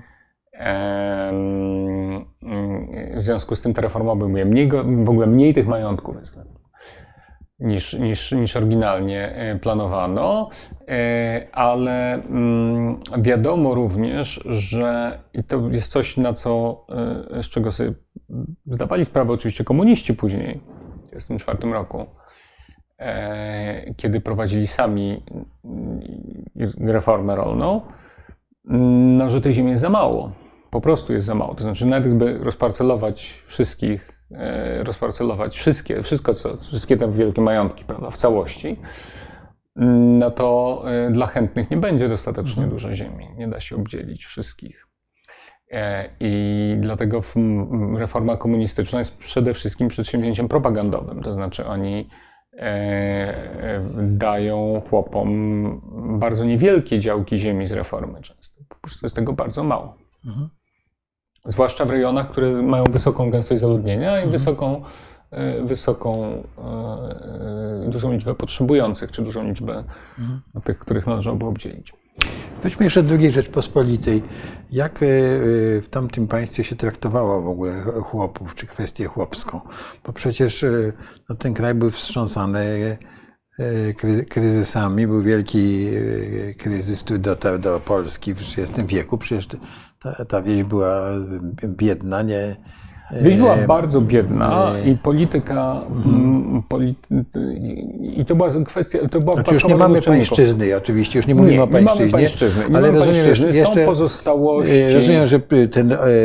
Mówimy tutaj o, o, o, procesie, tak, na spiszu. Pojedyncze, tak, zniesione tak, w latach, początku lat 30. Tak, ale to, to jest tam taka ciekawostka. To ale, jest ciekawostka, ale, to dotyczy bo, bardzo niewielkiego obszaru. Mówimy przecież o tym procesie tak, wychodzenia z e, wsi, no, najpierw z, z tego quasi niewolnictwa, czy tej pańszczyzny, tak, potem, tak, i w końcu e, e, ten proces przecież się nie trwał, mimo wszystko, że chłopiec sobie uwłaszczeni. To Przede wszystkim doświadczenie tak. II Rzeczpospolitej jest doświadczeniem nędzy. Mhm. Przy czym nędza była doświadczeniem większości polskich chłopów zawsze. Mhm. Zawsze. Z nielicznymi wyjątkami. Starzali się gospodarze zamożniejsi, w różnych okresach było no, więcej lub mniej. Natomiast, e, natomiast w większości. Czytał pan Raymonta? E, w większości wypadków moja jest matka, doświadczenie, jest moja matka nienawidziła Raymonta i zawsze mówiła, że to jest e, skandal, żeby taka książka wychodziła, bo przecież to są. No i teraz, co robi druga Rzeczpospolita? Mm, dochody chłopskie w II Rzeczpospolitej są niższe niż przed rokiem 1914. Reguły. Jeszcze raz. są do, czy... Dochody chłopów są niższe niż, przed... niż, przed, niż w czasach mhm. zaborów, niż no przed tak. pierwszą wojną. Ale to możemy wytłumaczyć. Jest, kraj jest zniszczony, wojna... Kraj tak. jest zniszczony, tak. kraj jest odcięty od rynków zbytu również, bo mhm. E, te, on produkował poszczególne zabory produkowały na, na potrzeby swoich, mhm. E, po tych 100 latach, prawda, na mhm. potrzeby mhm. swoich. Ciekawe, że Pan mówi, bo jak mówimy o roku 89, to taka Finlandia nagle straciła kontakt no tak, gospodarczy. bardzo głęboki kryzys. Bardzo głęboki. ogóle my sobie nie zdajemy kryzys. sprawy, że właśnie ten kryzys w Finlandii Mm, ale wróćmy do naszych chłopów. I teraz, e, no więc i, i, i teraz oczywiście jest bardzo zróżnicowany poziom życia, od względnej zamożności w dawnym zaborze pruskim, po absolutnie skrajną nędzę na dawnych Kresach Wschodnich. To jest... E, I w dodatku polityka władz, e, i tutaj jest bardzo znowu długa dyskusja na temat polityki rządzących II Rzeczypospolitej i względem wsi i, i chłopstwa. Mhm E, która jednak jest e, e, po, po, pogłębiona jeszcze przez, przez niekorzystna, niekorzystna, ale też pogłębiona przez, przez wielki kryzys. Mhm. I okres lata 30. z wyjątkiem pewnie samej końcówki, okresu tuż przedwojennego, należą prawdopodobnie do najgorszych, jeżeli chodzi o, o poziom życia no i z pewnością w XX wieku. No. Mhm. E, e, I mamy liczne i badania już wtedy naukowe, i statystyki, i przerażające świadectwa, które mówią o, mm, o skrajnej nędzy, absolutnie skrajnej deprywacji. To znaczy tych, e, tych, tych milionów ludzi, których jeszcze w dodatku jest przyrost naturalny jest bardzo wysoki, mhm. więc jeszcze tych ludzi cały czas przybywa. Mhm. I jest bardzo silny, wielki kryzys przynosi bardzo głęboki spadek cen produktów rolnych. Na wsi w ogóle nie ma pieniędzy. Są doniesienia, że część, e, e, że w ogóle część obrotu handlowego na wsi wraca do warunków naturalnych, czyli do, do, do handlu wymiennego. No i też e, jest tam ogromne wrzenie, no, którego efektem są, są wielkie protesty. E, a, no i, i, trzeba jeszcze dodać, że e, główne stronnictwa chłopskie są w opozycji wobec rządzącej sanacji. Mhm. E, że Witos, który jest symbolem ruchu chłopskiego, trafia na, wy, na do więzienia i na wygnanie, potem mhm. jest na emigracji. De facto. Mm, a więc y, y, i że uczestników protestów chłopskich spotykają bardzo brutalne represje. To znaczy tam policja rzeczywiście i wojsko zabijają ludzi. Czy strzelają do nich. Strzelają do nich, ale też bardzo brutalnie ich traktują. Biją, jest dużo doniesień tak. o torturach, o, na, na posterunkach policji, właśnie o tak. biciu, e, o, e, o takiej przemocy ze strony administracji na, czy policji na, na, na, na takim, takim życiu codziennym. Mhm. E, I to jest rok 36-37, kiedy dochodzi do takiej... Przeciwko czemu oni protestują? No, oni protestują, protestują z nędzy, z przede wszystkim. To znaczy, oni, jest, e, oni idą do państwa i mówią tak, że dajcie nam e, nie wiem, chleba, pracę, co tak? Ale to oczywiście jest e, i ma też element, i to władza sanacyjna uważa, że jest to mhm. nie, w części słusznie, znaczy zasadnie, nie wiem, czy bardziej zasadnie niż słusznie, znaczy jest to element kampanii politycznej opozycji wymierzonej w sanacji. Mhm. Że, że Stronnictwo Ludowe jest jest, jest partią opozycyjną mm, mm, i że e, protesty chłopskie godzą we władzę senacyjną. To jest prawda, one oczywiście godziły we władzę senacyjną. No, jasne. E, e, jasne.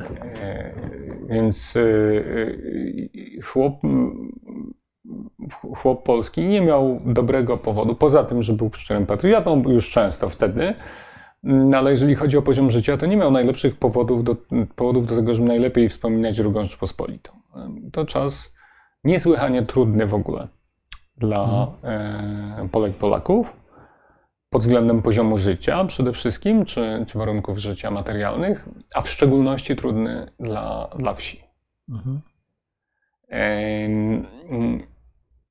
To się zmieniło trochę, przynajmniej w pierwszym okresie, to jest, okres, to jest czas bardzo słabo zbadany Teraz dopiero, jak rozumiem, są podejmowane jakieś bardziej systematyczne badania na ten temat, ale istnieją anegdotyczne świadectwa, że to się zmieniło w czasie okupacji, na przynajmniej w pierwszym okresie. To no znaczy, no właśnie, chciałem to zapytać. E, okupacja przyniosła zmniejszenie obciążeń, realnych obciążeń podatkowych, E, na początku, potem troszeczkę, ale, e, ale, ale były ogromny, kontyngenty. Ogromny wzrost cen, tak, ale też ogromny wzrost, unikane w części, w każdym razie mhm. rynek, duży czarny rynek. I Mm, ale też miasto się wyprzedawało za, za żywność. W związku z tym w gospodarstwach chłopskich często pojawiały się rzeczy kupione od na przykład drastycznie zubożałej mm, mm, inteligencji miejskiej, która musiała się wyzbywać swoich rzeczy, żeby po prostu przeżyć, przeżyć mieć co tak. jeść. Mhm. Więc to, co było, i to, co było też istotne, Niemcy anulowali długi wobec Żydów, e, którzy e, kontrolowali na wsi dużą część nieformalnego biegu kredytowego. To znaczy, w momencie, w którym mm, weszły wojska niemieckie, czyli niedługo po, mhm. Niemcy formalnie anulowali długi. Mhm. A więc. Czyli rozumiem, część chłopów to była zadłużona ode, niższe, ode, niższe podatki, wyższe dochody i brak konieczności mhm. spłacania długów Żydom. Mhm. To wszystko razem z, z, złożyło się na e, e, poczucie, pewnie zbudne, no bo Jasne. To, co mówię, to nie jest chwalenie okupacji niemieckiej, tylko mówię o tym. Nie, nie rozumiem. No tak która była o... krwawa, brutalna, o, o, terrorystyczna, tylko mówię o tym, jak, jak znaczy tak. zbrodnicza, mhm. oczywiście.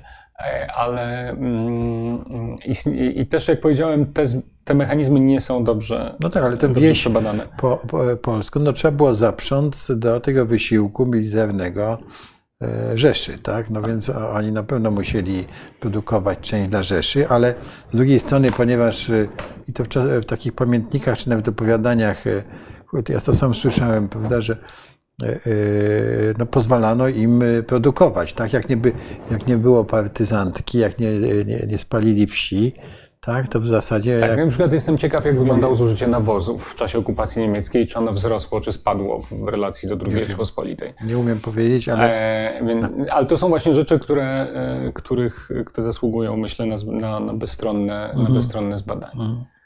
Mhm. No i też tutaj chciałbym podkreślić, że to oczywiście nie jest jeszcze raz, ale żeby nie było żadnych wątpliwości, no rzeczywiście była to zbrodnicza okupacja. Tak.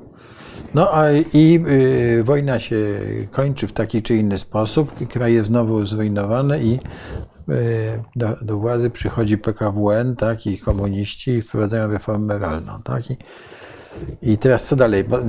Tak, wieś wyszła z okupacji, jest nadal przeludniona, jak rozumiem. No, Yy, pewnie okupacja pogłębiła jednak tę Nieufna, ten, jest nieufna, nieufna wobec władzy. Partia tak. chłopska, która staje się właściwie partią no, taką ogólnonarodową w pewnym momencie, tak. jest główną siłą oporu.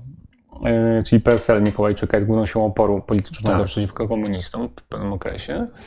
I, yy, i komuniści mają nieustający problem z wsią. Przez cały okres PRL-u na kilku poziomach. Znaczy mają problem polityczny, mają problem ideologiczny, mają, podejmują próbę kolektywizacji, która mhm. się okazuje nieudana. Znaczy chłopi nie dają sobie zabrać tego, co, co e, zyskali. Tak, tak, tak. Kolektywizacji, czyli wcielenia gospodarstw chłopskich w ramy tak zwanych spółdzielni, a de facto gospodarstw rolnych kontrolowanych przez państwo. Mm, I e, opór jest bardzo żywiołowy i bardzo twardy. Mhm. E, I, a władza nie sięga po takie, z różnych powodów, nie sięga po tak drastyczne środki przemocy, jakie stosowano na przykład w Związku Radzieckim. W Związku Radzieckim. Mhm. E, I w efekcie kolektywizacja, jako w, w jedynym kraju bloku, prawda, czyli w Polsce, mhm. kolektywizacja kończy się e, klęską. Mhm. Mm, I e, te spółdzielnie, które się, tak zwane spółdzielnie, które się udaje założyć rządzącym, mm, często pod kombinacją to przymusu, obietnic, jakichś takich administracyjnych środków. Oni robią bardzo różne rzeczy, żeby zmusić chłopów do tego. Mhm. E, I to często trwa, na przykład trwa przez wiele miesięcy, te, to namawianie, naciski i tak dalej. W końcu, kiedy tą spółdzielnię da się założyć, przychodzi kres stalinizmu i te spółdzielnie się natychmiast rozwiązują. Natychmiast, tak, tak. tak, w ciągu jednego dnia, w ciągu tak, tygodnia tak, właściwie wszystko się, oni się natychmiast... E, e, mm, także władza musi żyć z rolnictwem, które i z mhm. chłopami, którzy. No, z chłopami, którzy tak. są indywidualnymi y, właścicielami, prawda? Tak. Więc tam jest zawsze. Jak element... ich traktuje? Znaczy, to już jest oczywiście to, jest, to jest znowu no skomplikowane, no właśnie, tak? Ale... No bo oficjalnie państwo jest robotniczo-chłopskie. Tak. Mm, w praktyce jednak władza woli inwestować w swoje gospodarstwa, mhm. czyli w PGR-y, które są wyraźnie mniej wydajne od prywatnych gospodarstw chłopskich, indywidualnych. E, I to robi z powodów ideologicznych. To znaczy marnotrawi i tak niewielkie nakłady inwestycyjne mhm. na rolnictwo są wydawane w sposób e, nieprzesadnie efektywny. E, a z drugiej strony jednak, a rządzący też starają się na różne sposoby skupować towary Y, produkty wiejskie mhm. za pomocą różnych środków administracyjnych i, i, i zachęt. E, mhm. Ale też po swoich e, cenach często. Po swoich cenach, tak, tak, tak. tak, tak. Mhm. No to było kluczowe. No, to mhm. znaczy, żeby tutaj zlikwidować rynek, mhm. a, a de facto mieć kontrolę nad produkcją rolną. Taki był mhm. sens tej operacji i żeby móc ją jak najtaniej nabywać od, od chłopów. Natomiast tego obrotu, ten obrót nigdy nie jest do końca kontrolowany przez rządzących. I zawsze istnieje duża sfera rynku mhm. w tym handlu, e, której oni nie są w stanie kontrolować. A więc y, y, także, y, no i z drugiej strony oczywiście rządzący chcą pozytyw chłopów pozyskać na różne sposoby, mhm. E, a więc na przykład oferują e, dzieciom chłopskim jednak ścieżkę awansu. Mhm oferują punkty za pochodzenie mhm. na uczelniach. E, to e, e, ta polityka budziła często opór wśród inteligencji, na przykład mhm. inteligencji miejskiej, której dzieci musiały rywalizować, prawda, z dziećmi uprzywilejowanymi mhm. kandydatami o, te, o niewielką pulę mhm. miejsc na, na, na uczelniach, ale równocześnie nie była jednak przesadzona, przesad, prowadzona przesadnie konsekwentnie przez rządzących. To znaczy ona dość szybko, relatywnie, ona przynosiła niewielkie rezultaty z perspektywy władzy w ogóle, zresztą pewnie małe, w sensie politycznym także. E, ale, e, ale nie zerowe. No, ja mam w rodzinie przypadek takiego awansu. E, mój, mój dziadek urodził się w bardzo biednej rodzinie chłopskiej na północnym Mazowszu. Mhm. Małorolnej, wielodzietnej rodzinie chłopskiej. Szybko skończył tutaj studia, został profesorem. E, I do końca życia był zresztą lojalnym bardzo obywatelem Polski Ludowej. To znaczy, nawet kiedy już jej nie było, to był lojalnym obywatelem mhm. Polski Ludowej. E, I do końca życia powtarzał, że gdyby nie ona, to pasałby krowy. Mhm. To może nie jest prawdą, ale on był święcie o tym przekonany. Do, do, do swojego. No ja też znam takie osoby. Które... Więc, e, e, więc e, i, i to jest znowu coś, co jest nie, mm, myślę, słabo bardzo opisane i w literaturze historycznej i socjologicznej. To jest ten awans perelowski, tak? jako zjawisko społeczne, polityczne pewnie mniej, ale jako społeczne, takie czy. Mhm. Mm, kim byli ci ludzie, którzy awansowali, jakie mieli nawyki, na czym ten awans polegał, prawda? na ile oni wchodzili do grona inteligencji i nabywali jej, e, jej, mhm. jej nawyki, a na ile, na ile nie. No wie pan, ja to studiowałem w takich czasach, gdzie no były punkty za pochodzenie oczywiście i e, wśród moich kolegów, e, studentów, no, no byli ludzie, którzy byli chłopami z pochodzenia, jeśli możemy użyć tego pejoratywnego znaczenia, tak? To jest tak? pozytywne Nie, słowo. nie, więc, ale nie, ja, ja tylko wstydzić. Ja nie, ja się tego nie, nie wstydzę, tylko mówię, że to by było e, zupełnie normalne, tak, że e, e, oni często jeździłem odwiedzać ich rodziców nawet jako, jako kolegę na, jako kolega ich na wsi ale y, mm, no, są pewnie takimi, no nie wiem, do, dobrze sobie radzą, się rozwijają Polskę i tak dalej, więc tutaj jest. Ja to mówię jako, no tak, no bo tutaj nie, ma, no bo to nie jest tak, tak że tym, tym, tak. To, to jest tak, że są ulepieni z innej gliny. Skąd? No jasne. Więc no. nic nigdy tak, nie brakowało. Ja to, to jest kwestia instytucji, no, tylko e, które mówię, że, ułatwiały im Mówię tylko, że nie, bardzo w pozytywnym sensie, że ten awans perelowski rzeczywiście był, e, otworzył wielu ludziom tak drogę, to nie, nie ulega wątpliwości. Tak, rzeczywiście, natomiast y, nadzieje, które pokładała w nim władza, to znaczy wykształcenie swojej, inteligencji i swojej, y, moim zdaniem udało się w bardzo niewielkim stopniu. Bardzo niewielkim stopniu, tak. Bardzo niewielkim stopniu. Tak. No nie, i, i, też ten, ten proces mam wrażenie dość, i to jest, to jest opisane, akurat jest książka bardzo e, e, dobrej socjolożki Agaty Zysiak o awansie, o punktach za pochodzenie. Mhm wydana e, przed kilku laty. E, I ona pokazuje, że ten awans e, bardzo szybko wygasał. To znaczy, że on miał największe natężenie i największy odsetek osób pochodzenia chłopskiego na uczelniach był w okresie stalinowskim mhm. i on potem systematycznie spadał. Mimo mhm. tych wszystkich mimo tych wszystkich ułatwień, mhm. które zresztą też się władza wycofywała stopniowo. W zasadzie w latach 70 już ten e, odsetek dzieci pochodzenia chłopskiego, młodych ludzi pochodzenia chłopskiego na uczelniach już jest z powrotem bardzo niski. Nie pamiętam mhm. liczb w tej chwili, ale, mhm.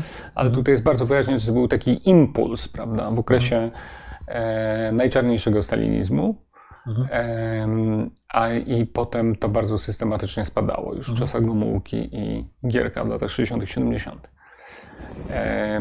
Natomiast, pochodzę, natomiast de, de facto mm, bilans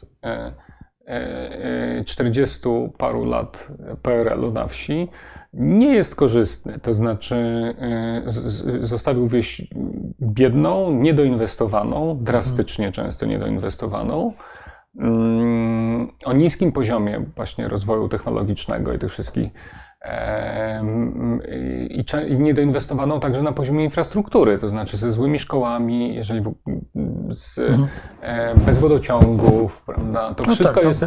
Korzenie, to, naszej, to jest naszej, wszystko... korzenie naszej fundacji to są wodociągi, no tak, tak, bo tak, tak. powstali. To jest, no, no, ale to jest wszystko dziedzictwo PRL. To są wszystko rzeczy, których, mhm. których on nie zrobił, prawda? Mhm. Chociaż E, e, Mało tego, jak padł ten pomysł, żeby powstała, wie pan, taka fundacja, przecież to, to są lata e, stanu wojennego, 81 rok, drugi, to opór tych władz komunistycznych, że w ogóle takie, powstała taka instytucja, która będzie budowała jakąś infrastrukturę wiejską, był tak duży, oni nie, nie mieli pomysłu same, samemu, jak to zrobić, natomiast tutaj przecież ten, się kotłowały te negocjacje z rządem PRL-u do 1987 roku.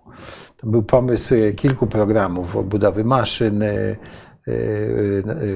rozwinięcia hodowli i tak dalej, i tak dalej. Taki no tak, ale de facto, de facto wkroczyliśmy w, tak. w wolną, wolną Polskę, jednak z, z, wsią, która była wyraźnie biedniejsza Absolutnie od miasta, tak. Mhm. niedoinwestowana, Mm, zaniedbana przez politykę właśnie także pod względem cywilizacyjnym zwyczajnie. Mhm. Dróg, infrastruktury, prawda, bardzo. Mhm. E, I, i, I, to jest też element tego bilansu, tak, to znaczy mhm który jest niejednoznaczny, niejednoznaczny jeżeli mhm. chodzi o, o, o Polskę, o okres komunistyczny. Nie chcę już pana pytać o trzecią Rzeczpospolitą, ale... To pan się lepiej zna.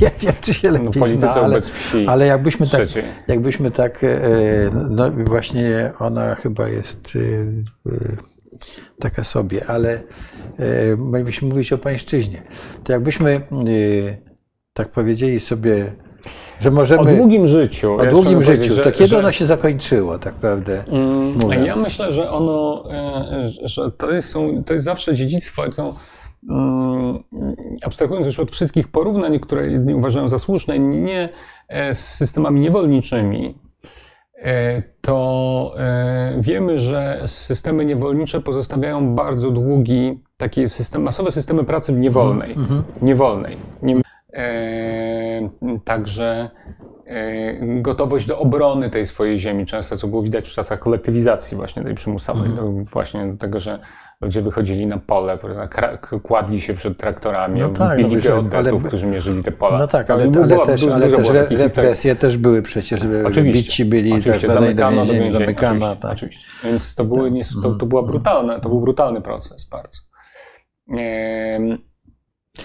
Natomiast wydaje mi się, że, że, o czym możemy mówić i są takie, są tacy na przykład teoretycy zarządzania, którzy tak myślą, że istnieje, możemy mówić o kulturze folwarcznej, e, czy takiego właśnie pańszczyźnianego zarządzania w, e, czy, czy, w urzędzie, czy w fabryce. Ale, ale czy uważa pan, że to są echa tego pańszczyzny? Czy... Ja nie wiem, na ile to są echa pańszczyzny, na ile to są w ogóle echa takich patriarchalnych relacji, to znaczy takiego tak. przekonania, bo pańszczyzna oczywiście mm, była ubrana w kostium takiej relacji ojcowskiej, prawda? To znaczy w tych tekstach ziemiańskich tam się pojawia wielokrotnie porównanie do relacji w rodzinie, że mamy patriarchalną rodzinę, ojciec jest głową rodziny, no to tak samo dziedzic jest głową tych, ojcem dla tych swoich tak, chłopów. A, ten, a, właściciel... a chłopów z kolei opisuje się jako nieletnich, tak. niepełnoletnich, że oni są takimi dziećmi trochę. A ten dzisiejszy właściciel Nawet firmy, firmy, firmy, a ten dzisiejszy właściciel to jest, no to jest też taki tak, ojciec. Tak, tak, tak. Więc, myślę, że to jest taka reprodukcja właśnie tak. relacji patriarchalnej, która jest czymś głębszym niż sam stosunek pańszczyźniany. To znaczy, e, że ona ma. E, że pańszczyzna jest, jest, jakby część, jest to element z tego samego korzenia, prawda? Mhm. Czyli wizji relacji między ludźmi, która polega na tym, że, e, że właśnie mamy mm, tutaj patriarchę mężczyznę zawsze, zawsze, mhm. który, który właśnie i, I, na przykład elementem relacji patriarchalnej jest to, że ona nie potrzebuje reguł, ani instytucji odwoławczych. Tak, ani prawa pracy. No oczywiście nie potrzebuje reguł. E, no bo jeżeli ktoś ma problem, to przychodzi do m, poprosić ojca o, o, o pomoc, tak, prawda? Tak. E, ale też e, nie ma się do kogo odwołać od władzy ojcowskiej. Tak.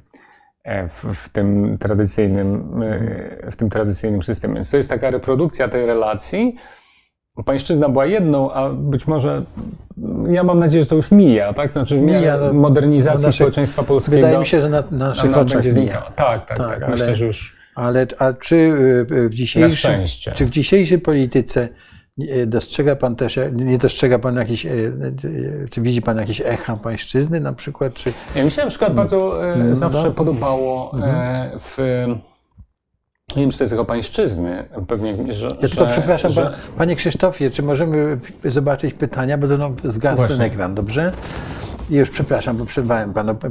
Więc y, mi się zawsze podobało to, że y, y, wieś potrafiła niesłychanie jednoznacznie artykułować swoje interesy. To znaczy, że to jest, że miała poczucie wspólnego interesu i potrafiła w sposób polityczny ten, ten interes hmm i ekonomiczny w taki bardzo bezkompromisowy sposób mhm. wyrażać. Mm. I że e, myślę, że to jest dziedzictwo tej walki o w dużym stopniu dziedzictwo tej walki o swoje. Dlatego, że mhm. właśnie, że e, także mm, e, nie powiem, że to są pozytywne konsekwencje pańszczyzny, tylko raczej, że są to pozytywne konsekwencje walki przeciw pańszczyźnie, mhm. tak, które wytwarzają też swój mechanizm społeczny.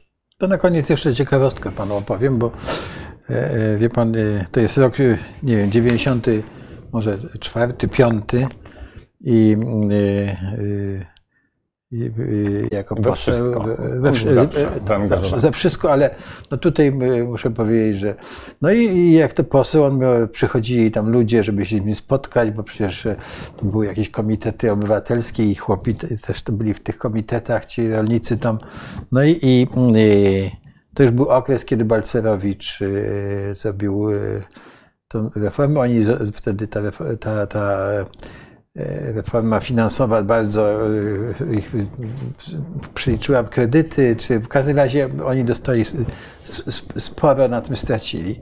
I przyszedł ten człowiek do Henryka Wojca, który no, jest bardzo świadomy i mówi tak, mówi Henryk do niego, słuchaj, co byście zrobili z nami, toście zrobili, mówi. Ale to, że ja nie muszę chodzić teraz, mówi, do komitetu partyjnego i tam, mówi, czapkować przed tym sekretarzem, żeby mi dał tam trochę nawozów i trochę papy i gwoździ, to ja wam tego nigdy nie zapomnę. Mówi także, więc to takie, jako ciekawostkę mówię, takie podsumowanie y, y, tego PRL-u i, i i stosunku ja myślę, do, do, do, Ja myślę, że w sumie jest to niesłychanie budująca historia. To znaczy, że jest to tak. historia emancypacji, jest to historia wychodzenia na swoje, mhm. jest to historia gigantycznego awansu cywilizacyjnego. Przy tych wszystkich e, e, tragediach i, i, i nędzy, bo, bo, to, mhm. są nigdy, to nie są nigdy łatwe rzeczy, prawda? To się mhm. zawsze krew, pot i łzy, przecież taka droga tak, wszędzie. Tak. Ale że e, ogólnie jest to historia sukcesu. Tak, i ten. Zwłaszcza biorąc pod uwagę punkt wyjścia, bo. Tak. Mm, Więc także z, z pewnością. Tak, także ten, ten rolnik, który no, klął na, te, na tego Balcerowicza i na, ten, na to, co go spotkało, e, e, nie oceniajmy tego, czy co się tam wtedy działo, ale po prostu no, to, tak, to, tak było to odbywane i jednocześnie to, że on nie musiał tą papę prosić, tak jak w tym PRL-u i, o ten, i, i chodzić, naprawdę też to, także takie podsumowanie. A wie pan, hmm, chyba pomiliśmy jeden wątek ciekawy, mogę jeszcze? Chodzi o, chodzi jeszcze mi co się stało, że ta propaganda bolszewicka tak nie, to nie dotarła do tych chłopów? Właściwie żeśmy to powiedzieli, że oni, że oni po prostu by. Yy, no, myślę, że to był szereg powodów. Po pierwsze. Yy, Mówimy o 1920 roku. była yy, bardzo skuteczna kontrpropaganda. To trzeba, po, mhm. po, pierwsze, nie jest tak, że ona nie dotarła w ogóle. I mamy na przykład są świadectwa, że e, niektóra, jak się wydaje, przeciwna, e, a też była bardzo skuteczna jednak kontrpropaganda e, prowadzona przez Kościół w dużym mhm. stopniu, przez władze państwowe. Przedstawiono bolszewików jako, jako taką mongolsko-żydowską mhm. nawałę. Mhm. Odwołując się także do antysemityzmu dość powszechnego mhm. wtedy, prawda? Jeżeli więc taką mongolsko-żydowską nawałę, która zniszczy domy, mhm. zabierze wam własność, e, zabroni wam chodzić do kościoła i tak dalej. I to myślę, że to w dużym stopniu było skuteczne. To mhm. znaczy podatność, mm, podatność e, e, po polskiego włościanina na Mhm. E, na taką propagandę była niewielka. Mhm. No właśnie, tak. Co nie znaczy, że zawsze palił się do walki z, z, z zbrojnej. To też mhm. jest, trzeba powiedzieć. Tak, no to tak wiemy, nie, no wie pan, to przecież y, przez tę ziemię się przewalała tak wojna już od, tak, od 1914 6 roku. Lat 6 tak. lat. Tak, i nagle jeszcze jedna, i to po prostu oni już no, mieli dosyć, tak, bo przecież Część z nich dopiero co wróciła. Przecież. Część z nich dopiero co wróciła, prawda? I a tu nagle znowu trzeba iść. To zupełnie wytłumaczę. Dobrze, jeszcze jeśli można to. Yy, jeśli można spytać, jaka ustawa odpowiada za scalenia w latach 30. XX e, wieku, no to... to mogę tylko maila poprosić, tak, musiałbym to tak, sprawdzić. Tak, nie, mo tak, nie mogę odpowiedzieć do mhm, ręki. Mhm. Ale o reformie o reformie mówiliśmy, tak? Ale, ale, ja nawet nie byłem świadomy, że tam były tak mocne nurty wtedy w tej polityce wiejskiej, żeby scalać grunty w II Rzeczpospolitej. No były małe poletka pewnie, ale nie, też nie, nie pamiętam no, to, znowu tego, był, to, to, znowu był, jeżeli chodzi o scalanie gruntów, to było coś, o co apelowano przez prawie cały wiek XIX.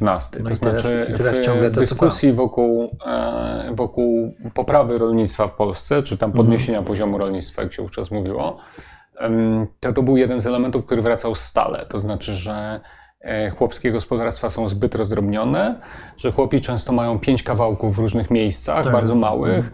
No że w związku z tym, że ta uprawa z konieczności jest nieefektywna, bo oni tracą bardzo dużo czasu na to, żeby do nich dojść. Tak. E, mm, trudno jest maszynowo to uprawiać, jak się już w ogóle mhm. pojawiają maszyny i tak dalej. Więc że to jest więc, y, y, ale też y, opór, jak się wydaje, był duży. Każdy był przyzwyczajony do swojego kawałka. No nie, no, no, znaczy to też, tak. ale wydaje mi się, że y, jest, istniał taki naturalny opór przeciwko e, władzy, która mierzy. Mm, mm, rozumiem. E, chłopi byli przyzwyczajeni, że jeżeli władza coś przychodzi i mierzy ich, to zawsze oni na tym tracą. Tak. Zawsze tracą w ten czy inny sposób. Mhm. Albo właściciel, w sensie jak pojawią. Mhm. Więc, yy, I to z reguły tak było. To znaczy tak. nie, było nie, nie, nie było irracjonalne wcale. To, no. była, yy, to, to, to, to, było doświadczenie, wielo, wielopokoleniowe doświadczenie. Że na przykład jeżeli właściciel regulował grunty, w, w, czasach, kiedy mógł, prawda, te swoje tak. jeszcze przeduwłaszczeniowe. Zawsze chłop na tym tracił. No to zawsze chłop na tym tracił, na tej regulacji, bo one były regulowane między innymi po to, często, żeby rugować gospodarzy, którzy siedzieli mm. na, mm. czy jak się mawiało, na przykład kasować kmieci, takie też tak, tak. wyrzucano z gospodarstw tak. tych, mhm. którzy siedzieli na, na gruntach, które były atrakcyjne dla folwarku. Mm. Albo przenoszono ich na gorsze, dopóki było wolno, bo to w mhm. pewnym momencie przestało, w, przestało być wolno mm, robić. w królestwie przynajmniej przystanowym. Więc także nieufność do tej jest bardzo głęboko osadzona historycznie, nieufność do takich procedur. Mhm. Tutaj pan pisze, że. I że władza zawsze kłamie, jak przychodzi. To znaczy, mówi, tak. będzie wam lepiej, ale de facto i tak zawsze jest gorzej. Tak. To, to, to ludzie no. wiedzieli z, tak. z doświadczenia. Tak, tak. tak. E, ciągle możemy też usłyszeć to i dzisiaj. E, jak mi się, ale, ja ale myślę, że w przypadku chłopów oni mieli też ale, naprawdę nie, no nie odbierajmy ludziom e, prawa do ich własnej perspektywy. No, no nie, ale. Ja, ja, absolutnie nie odbieram. Ja mówię, że oni mieli rację. No, to tak. znaczy, takie były historyczne doświadczenia, tak. że jeżeli władza im coś obiecywała, to bardzo często Mm, Mówiliśmy to... o tym, tak? To obiecywali, że uwłaszczenie, po czym e, e, nie odzyskaliśmy Polski, no to zabieramy, tak? I tak dalej. No, no, no przecież, tak, to, tak, przecież tak, to, to musiało e, w tej historii rodzin chłopskich tkwić to doświadczenie, prawda? Być jakoś przekazywane. Tutaj pan pisze, że chciałem tylko napisać, że po ostatnim wykładzie kupiłem państwą książ pańską książkę i jest świetna. No to, dziękuję bardzo. Tak, bardzo dziękuję. Bardzo dobrze, że Pan zauważył problem demograficzny wsi XIX. No tak, to mówiliśmy o tym. I mamy jeszcze, zobaczymy, tu mamy pytania. Dziękuję za bardzo ciekawe wykłady. Mamy. No i tutaj jest y, pan, że do, do pańszczyzny doprowadził Kościół katolicki chyba. Czy to możemy się zgodzić z panem, że Kościół katolicki doprowadził do tego? Nie, ja myślę, że e, to, to dotyczy bardzo zamierzchłej przeszłości. Ja mogę to tak. skomentować. Mogę się do tego odnieść? Jeszcze zdążymy dwoma zdaniami. Tak, oczywiście nie. E, to jest, to jest, Kościół był innowatorem na pewnym etapie był innowatorem, jeżeli chodzi o relacje rolne. I jeden z recenzentów, mediewista zresztą, jeden z recenzentów mojej książki, wytknął mi, że o tym nie napisałem i faktycznie o tym nie napisałem, mhm. że nowe formy gospodarowania były wprowadzane przez, w tym gospodarki folwarcznej, były wprowadzane w dobrach kościelnych często jako pierwsze. Ale tu, ale tu nie mówimy o... Nie, nie, to mówimy o, o, o dość głębokim średniowieczu. To mówimy o, o, o, o, ale mówimy o bardzo przeszłości. Nie, nie, nie, później. Nie, później mówimy później, o, o XIV, pewnie XV stuleciu. Mhm. Że, y, że, że, że gospodarstwa, gospodarstwa kościelne był, był, miały taki moment, majątki kościelne. Mhm. Generalnie jednak jak w literaturze mamy przekonanie, że los chłopski w gospodarstwach, w majątkach kościelnych był lepszy niż e, w prywatnych, lżejszy znaczy. No, ale ogólne pojęcie jest takie, że był gorszy. W kościelnych? E, znaczy mówię, takie ludzie tak nie, nie, uważają. Była mniej więcej taka, że był najgorszy w prywatnych. Tak. I małych. E, prywatnych im mniejszy, tym, tak. mniejszych, tym gorszy. To już pan mówił. Tak średnich pewnie może. No, bo podejrzewam, że jak e, szlachcic miał kilku poddanych, to jednak musiał bardziej się z nimi liczyć. Mhm. Nie, ale to jest oczywiście hipoteza. To jest bardzo trudno zweryfikować.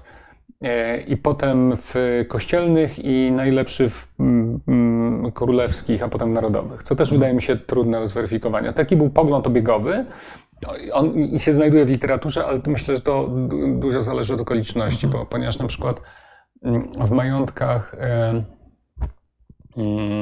królewskich, a potem w okresie księstwa warszawskiego czy królestwa polskiego narodowych, prawda, w tych państwowych mhm. majątkach, państwowi chłopi, bo to byli państwowi chłopi królewscy, a potem państwowi, no to oni z jednej strony mogli się odwoływać do, do sądu referendarskiego wcześniej, a potem do, do władz, e, a z drugiej strony te majątki były bardzo często puszczane w krótkoterminowe dzierżawy, co było złym sposobem gospodarowania, gdyż dzierżawca był zainteresowany, który płacił określoną sumę. Maksymalizacją zysku. No, no tak. tak, bo dzierżawca, dzierżawa polegała na tym, że dzierżawca dzierżawił za określoną sumę, ten tak powiedzmy mhm. wieś, prawda, czy tam jakiś dzierżawił za określoną sumę i potem musiał to sobie odbić na, e, na przychodach z tego majątku i ile zarobił ponad to, to było jego. Mhm. Więc dzierżawcy byli zainteresowani w tym i jest dużo historii o, e, o, o, o tym, że byli właśnie gorszymi zarządcami, bardziej bezwzględnymi mhm. E, i, i, brutalnymi niż,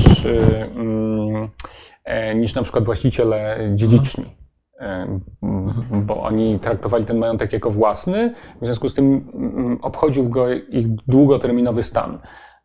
Dzierżawcy nie. No, dzierżawca był zainteresowany, żeby wycisnąć ile się dało, no a potem już nie jego zmartwienie. To nie jego zmartwienie, tak. tak. No, wydaje mi się, że tak. Więcej pytań nie ma, ale chciałem panu, no już nie, nie chcę pana męczyć dłużej, ale wiem, że miał pan i różnych adwersarzy i dużo. No to normalne. No, ale to bardzo ciekawe, tak? I, i sam czy, czytałem różnego rodzaju opinie na temat pana książki. Ja się z nimi nie zgadzam. Także wydaje mi się, że no nie ma czegoś takiego jak historia Polski bez tej części, którą pan y, opisał i tutaj nam opowiedział. Także to jest y, y, no, nie, niezwykły, że tak powiem, ciekawy kawałek, który pewnie no, mnie bardzo wzbogacił, za co bardzo dziękuję. Pewnie, dziękuję bardzo. Pe, pewnie naszych e, widzów również i e, bardzo panu dziękuję za te cztery godziny razem tej ciężkiego wysiłku i rozmowy i bardzo ciekawej. Także resztę, a, a, a mogę zapytać, następna praca będzie o czym teraz? O obrońcach pańszczyzny. O obrońcach pańszczyzny. O ludziach, którzy bronili pańszczyzny jako systemu. Było ich wielu. Mhm. O czym trudno się dowiedzieć, bo z reguły się o nich nie mówi, mhm. ponieważ jest to trochę wstydliwe. E, ale albo często. Dlaczego wstydliwe? No przecież to jest. E, albo często są no to ludzie, których się wybiela z tego. Mhm. To znaczy, na przykład są to znani. To były często bardzo szlachetne figury skądinąd, to mhm. znaczy e, wielcy patrioci polscy i tak dalej, zasłużeni ludzie. E, ale jeżeli chodzi o relacje z chłopami, niekoniecznie, niekoniecznie bardzo, mhm. e, bardzo sympatyczni. No tak, no mieli pojęcie właśnie tak, pewnie takie, że to jest część. Więc yy, i to jest taka struktura reakcyjnego argumentu. Powiedział, to jest taka książka, która będzie dużo bardziej akademicka od poprzedniej. Mhm. Yy, I ona jest analizą yy, takiej, no, takiej esencji tych argumentów, których oni używali, bo one, oni mhm. używali, ten zestaw argumentów był dość ograniczony, prawda? w sensie z, z, z, one się powtarzały. I e, żeby próbuję wydestylować taką esencję tego myślenia właśnie tak, reakcyjnego. Tutaj reakcyjnego, pan, bo trzeba nazwać tak, Ale tutaj Pan powiedział rzecz ciekawą, że te argumenty na przykład y, y, z połowy XIX roku, roku się pojawiały w Sejmie, w Sejmie e, Rzeczpospolitej. Tak, one wracają do dzisiaj, to było ciekawe. To, tak. to jest, wracają dzisiaj na przykład, w, w, wróciły w dyskusjach nad, nad moją ostatnią książką wydaną, czyli Ludową Historią Polski. Mm, I właśnie czytałem takie właśnie mm, opinie, właśnie, że pańszczyzna nie była taka zła w sumie, albo że ten właściciel był taki miły, pomagał tym chłopom, prawda, i oni żyli, wszyscy żyli w takiej harmonii, mhm. a jeżeli były nadużycia, to to były właśnie nadużycia, no wiadomo, kiedy się zdarzają, są lepsze i gorsze rodziny, prawda, więc ta, taka ta analogia się często już pojawia w tej literaturze właśnie, że okej, okay, jesteśmy wszyscy, właściciel jest rodziną, z tymi chłopami. To jest taka właśnie wielka, rozszerzona patriarchalna rodzina. No i wiadomo, są źli rodzice i dobrzy rodzice. No jednak większość jest dobra. E, to jest dosłownie prawie cytat z jednego z tych, mhm. z tych, tych. A jaki jest Pana stosunek do, do pańszczyzny po tych wszystkich studiach i to, co Pan e, pisał. No, wie pan, taki e, e, emocjonalny, jeśli mogę o to zapytać, ja, oczywiście. Ja go, oczywiście, to jest bardzo trudne pytanie mi pan zadał. Ale nie, no to proszę powiedzieć, że, że ja, mam dość, ja mam dość, wydaje mi się, chłodny stosunek do tych, mhm. do tych, do tych kwestii. To znaczy. No, badacz. E, e, e, to są mechanizmy społeczne z przeszłości. Mm, ona była jaka jest, jaka była. Tak trudno się. E, e, I, I nasze moralne oburzenie tutaj jest, y, nie ma znaczenia. Wydaje mi się, że tutaj interesujące jest bardziej zrozumienie, ale też y, nie, mm, y, nie zakłamywanie tego, nie wybielanie. Tego mhm. jest bardzo dużo w polskiej, w, w, w, mhm. albo przemilczanie. To jest też, mhm. przemilczanie odbywa się w programach szkolnych, tego w zasadzie nie ma w ogóle. Mhm. W podstawie programowej do liceum słowo pańszczyzna pojawia się raz. W ogóle. Mhm. I to też jako taki przypis do y, y, gospodarki państwa chyba Jagiellonów. Że się, no, I potem tego już nie ma. Potem już nie ma potem... E, pojawia się uwłaszczenie też raz przy Królestwie, przy Powstaniu Styczniowym, ale uwłaszczenie pojawia się jako część opowieści o Powstaniu Styczniowym, a po drugie nie wiadomo czego, dlaczego kogoś trzeba było uwłaszczać, skoro E, nie, było, nie wiadomo na czym to polegało, to właściwie na, o, o, co chodziło z uwłaszczeniem nie sposób mhm. E, zrozumieć. E, A więc, no i jest, wydaje mi się, bardzo liczni, to mam na świeżo akurat teraz, bardzo liczni autorzy, którzy bronili pańszczyzny są, muszę powiedzieć, wybielani. To znaczy, albo o tym, albo się w ogóle nie mówi o, tych, o tym, kiedy się o pisze, tak. o tym wątku w ich tak. twórczości, albo na przykład, to mam teraz też Mówi się coś, albo się zakłamuje to, co pisali. Znalazłem taki przykład bardzo mhm. jednoznaczny. Wpadłem na niego wczoraj czy przedwczoraj. Um, u bardzo wybitnego autora, u Stefana Kieniewicza zresztą. No to już nie, e, albo... znaczy nie, nie, będzie, nie może pan z nim już dyskutować. No nie mogę, ale... Z tym, co napisał. W Wie, tak, tak. Można napisać, ale to, a, a, przecież albo, to monu, Stefan Kiniewicz to monument, no przecież. E, albo... E, E, albo e, na przykład, co się, jeszcze, co się jeszcze robi, to się na przykład bierze za dobrą monetę.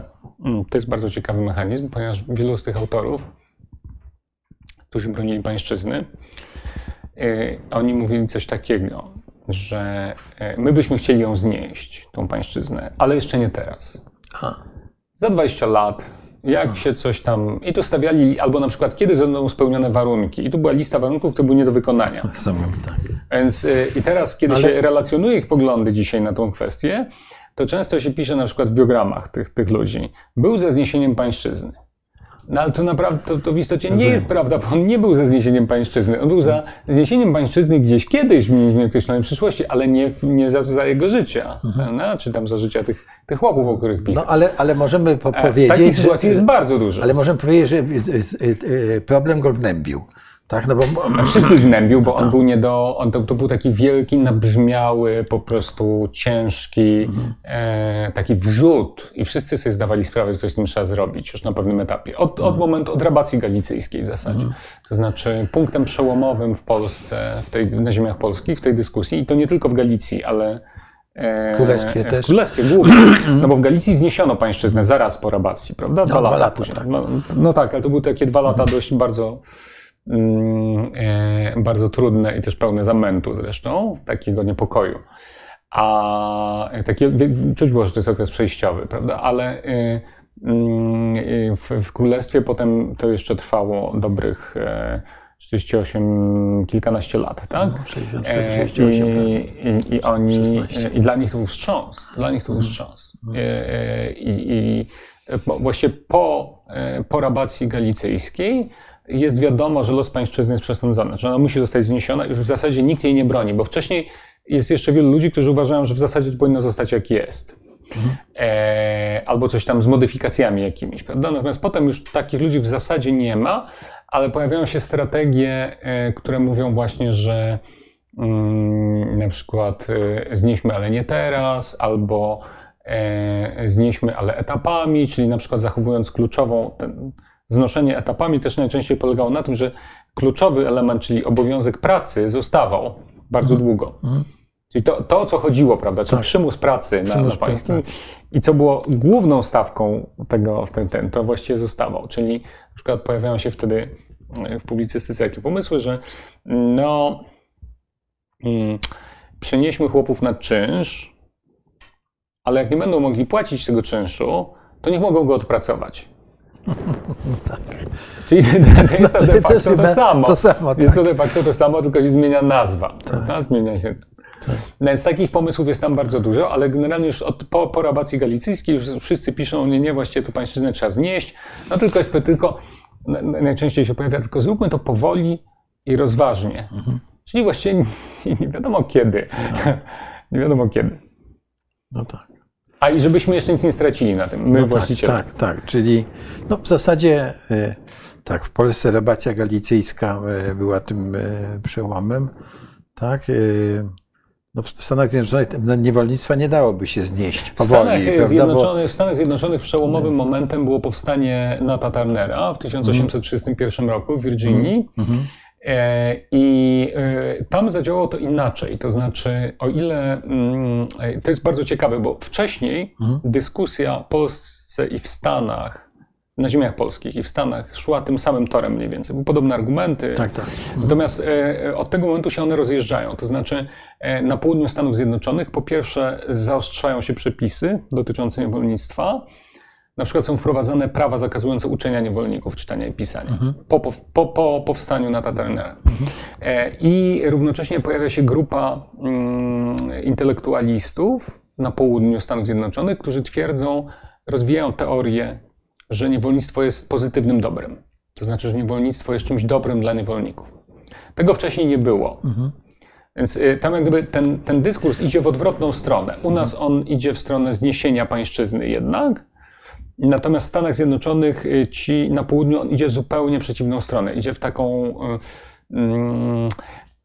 Amerykanie są dużo bardziej bezwzględni w artykułowaniu prywatnego interesu. To znaczy w Polsce, jeżeli się mówi o prywatnym interesie, to się o nim mówi pod płaszczykiem interesu ogólnego, prawda? Że tu trzeba zrobić coś dobrego dla Polski, coś tam, no ja zarobię, no ale nie stracę, ale co, no to tak, tak to jest u nas. Natomiast Amerykanie mówią bardzo jednoznacznie i bezwzględnie o swoim prywatnym interesie, nie ma w ogóle żadnych, nie mają żadnych skrupułów.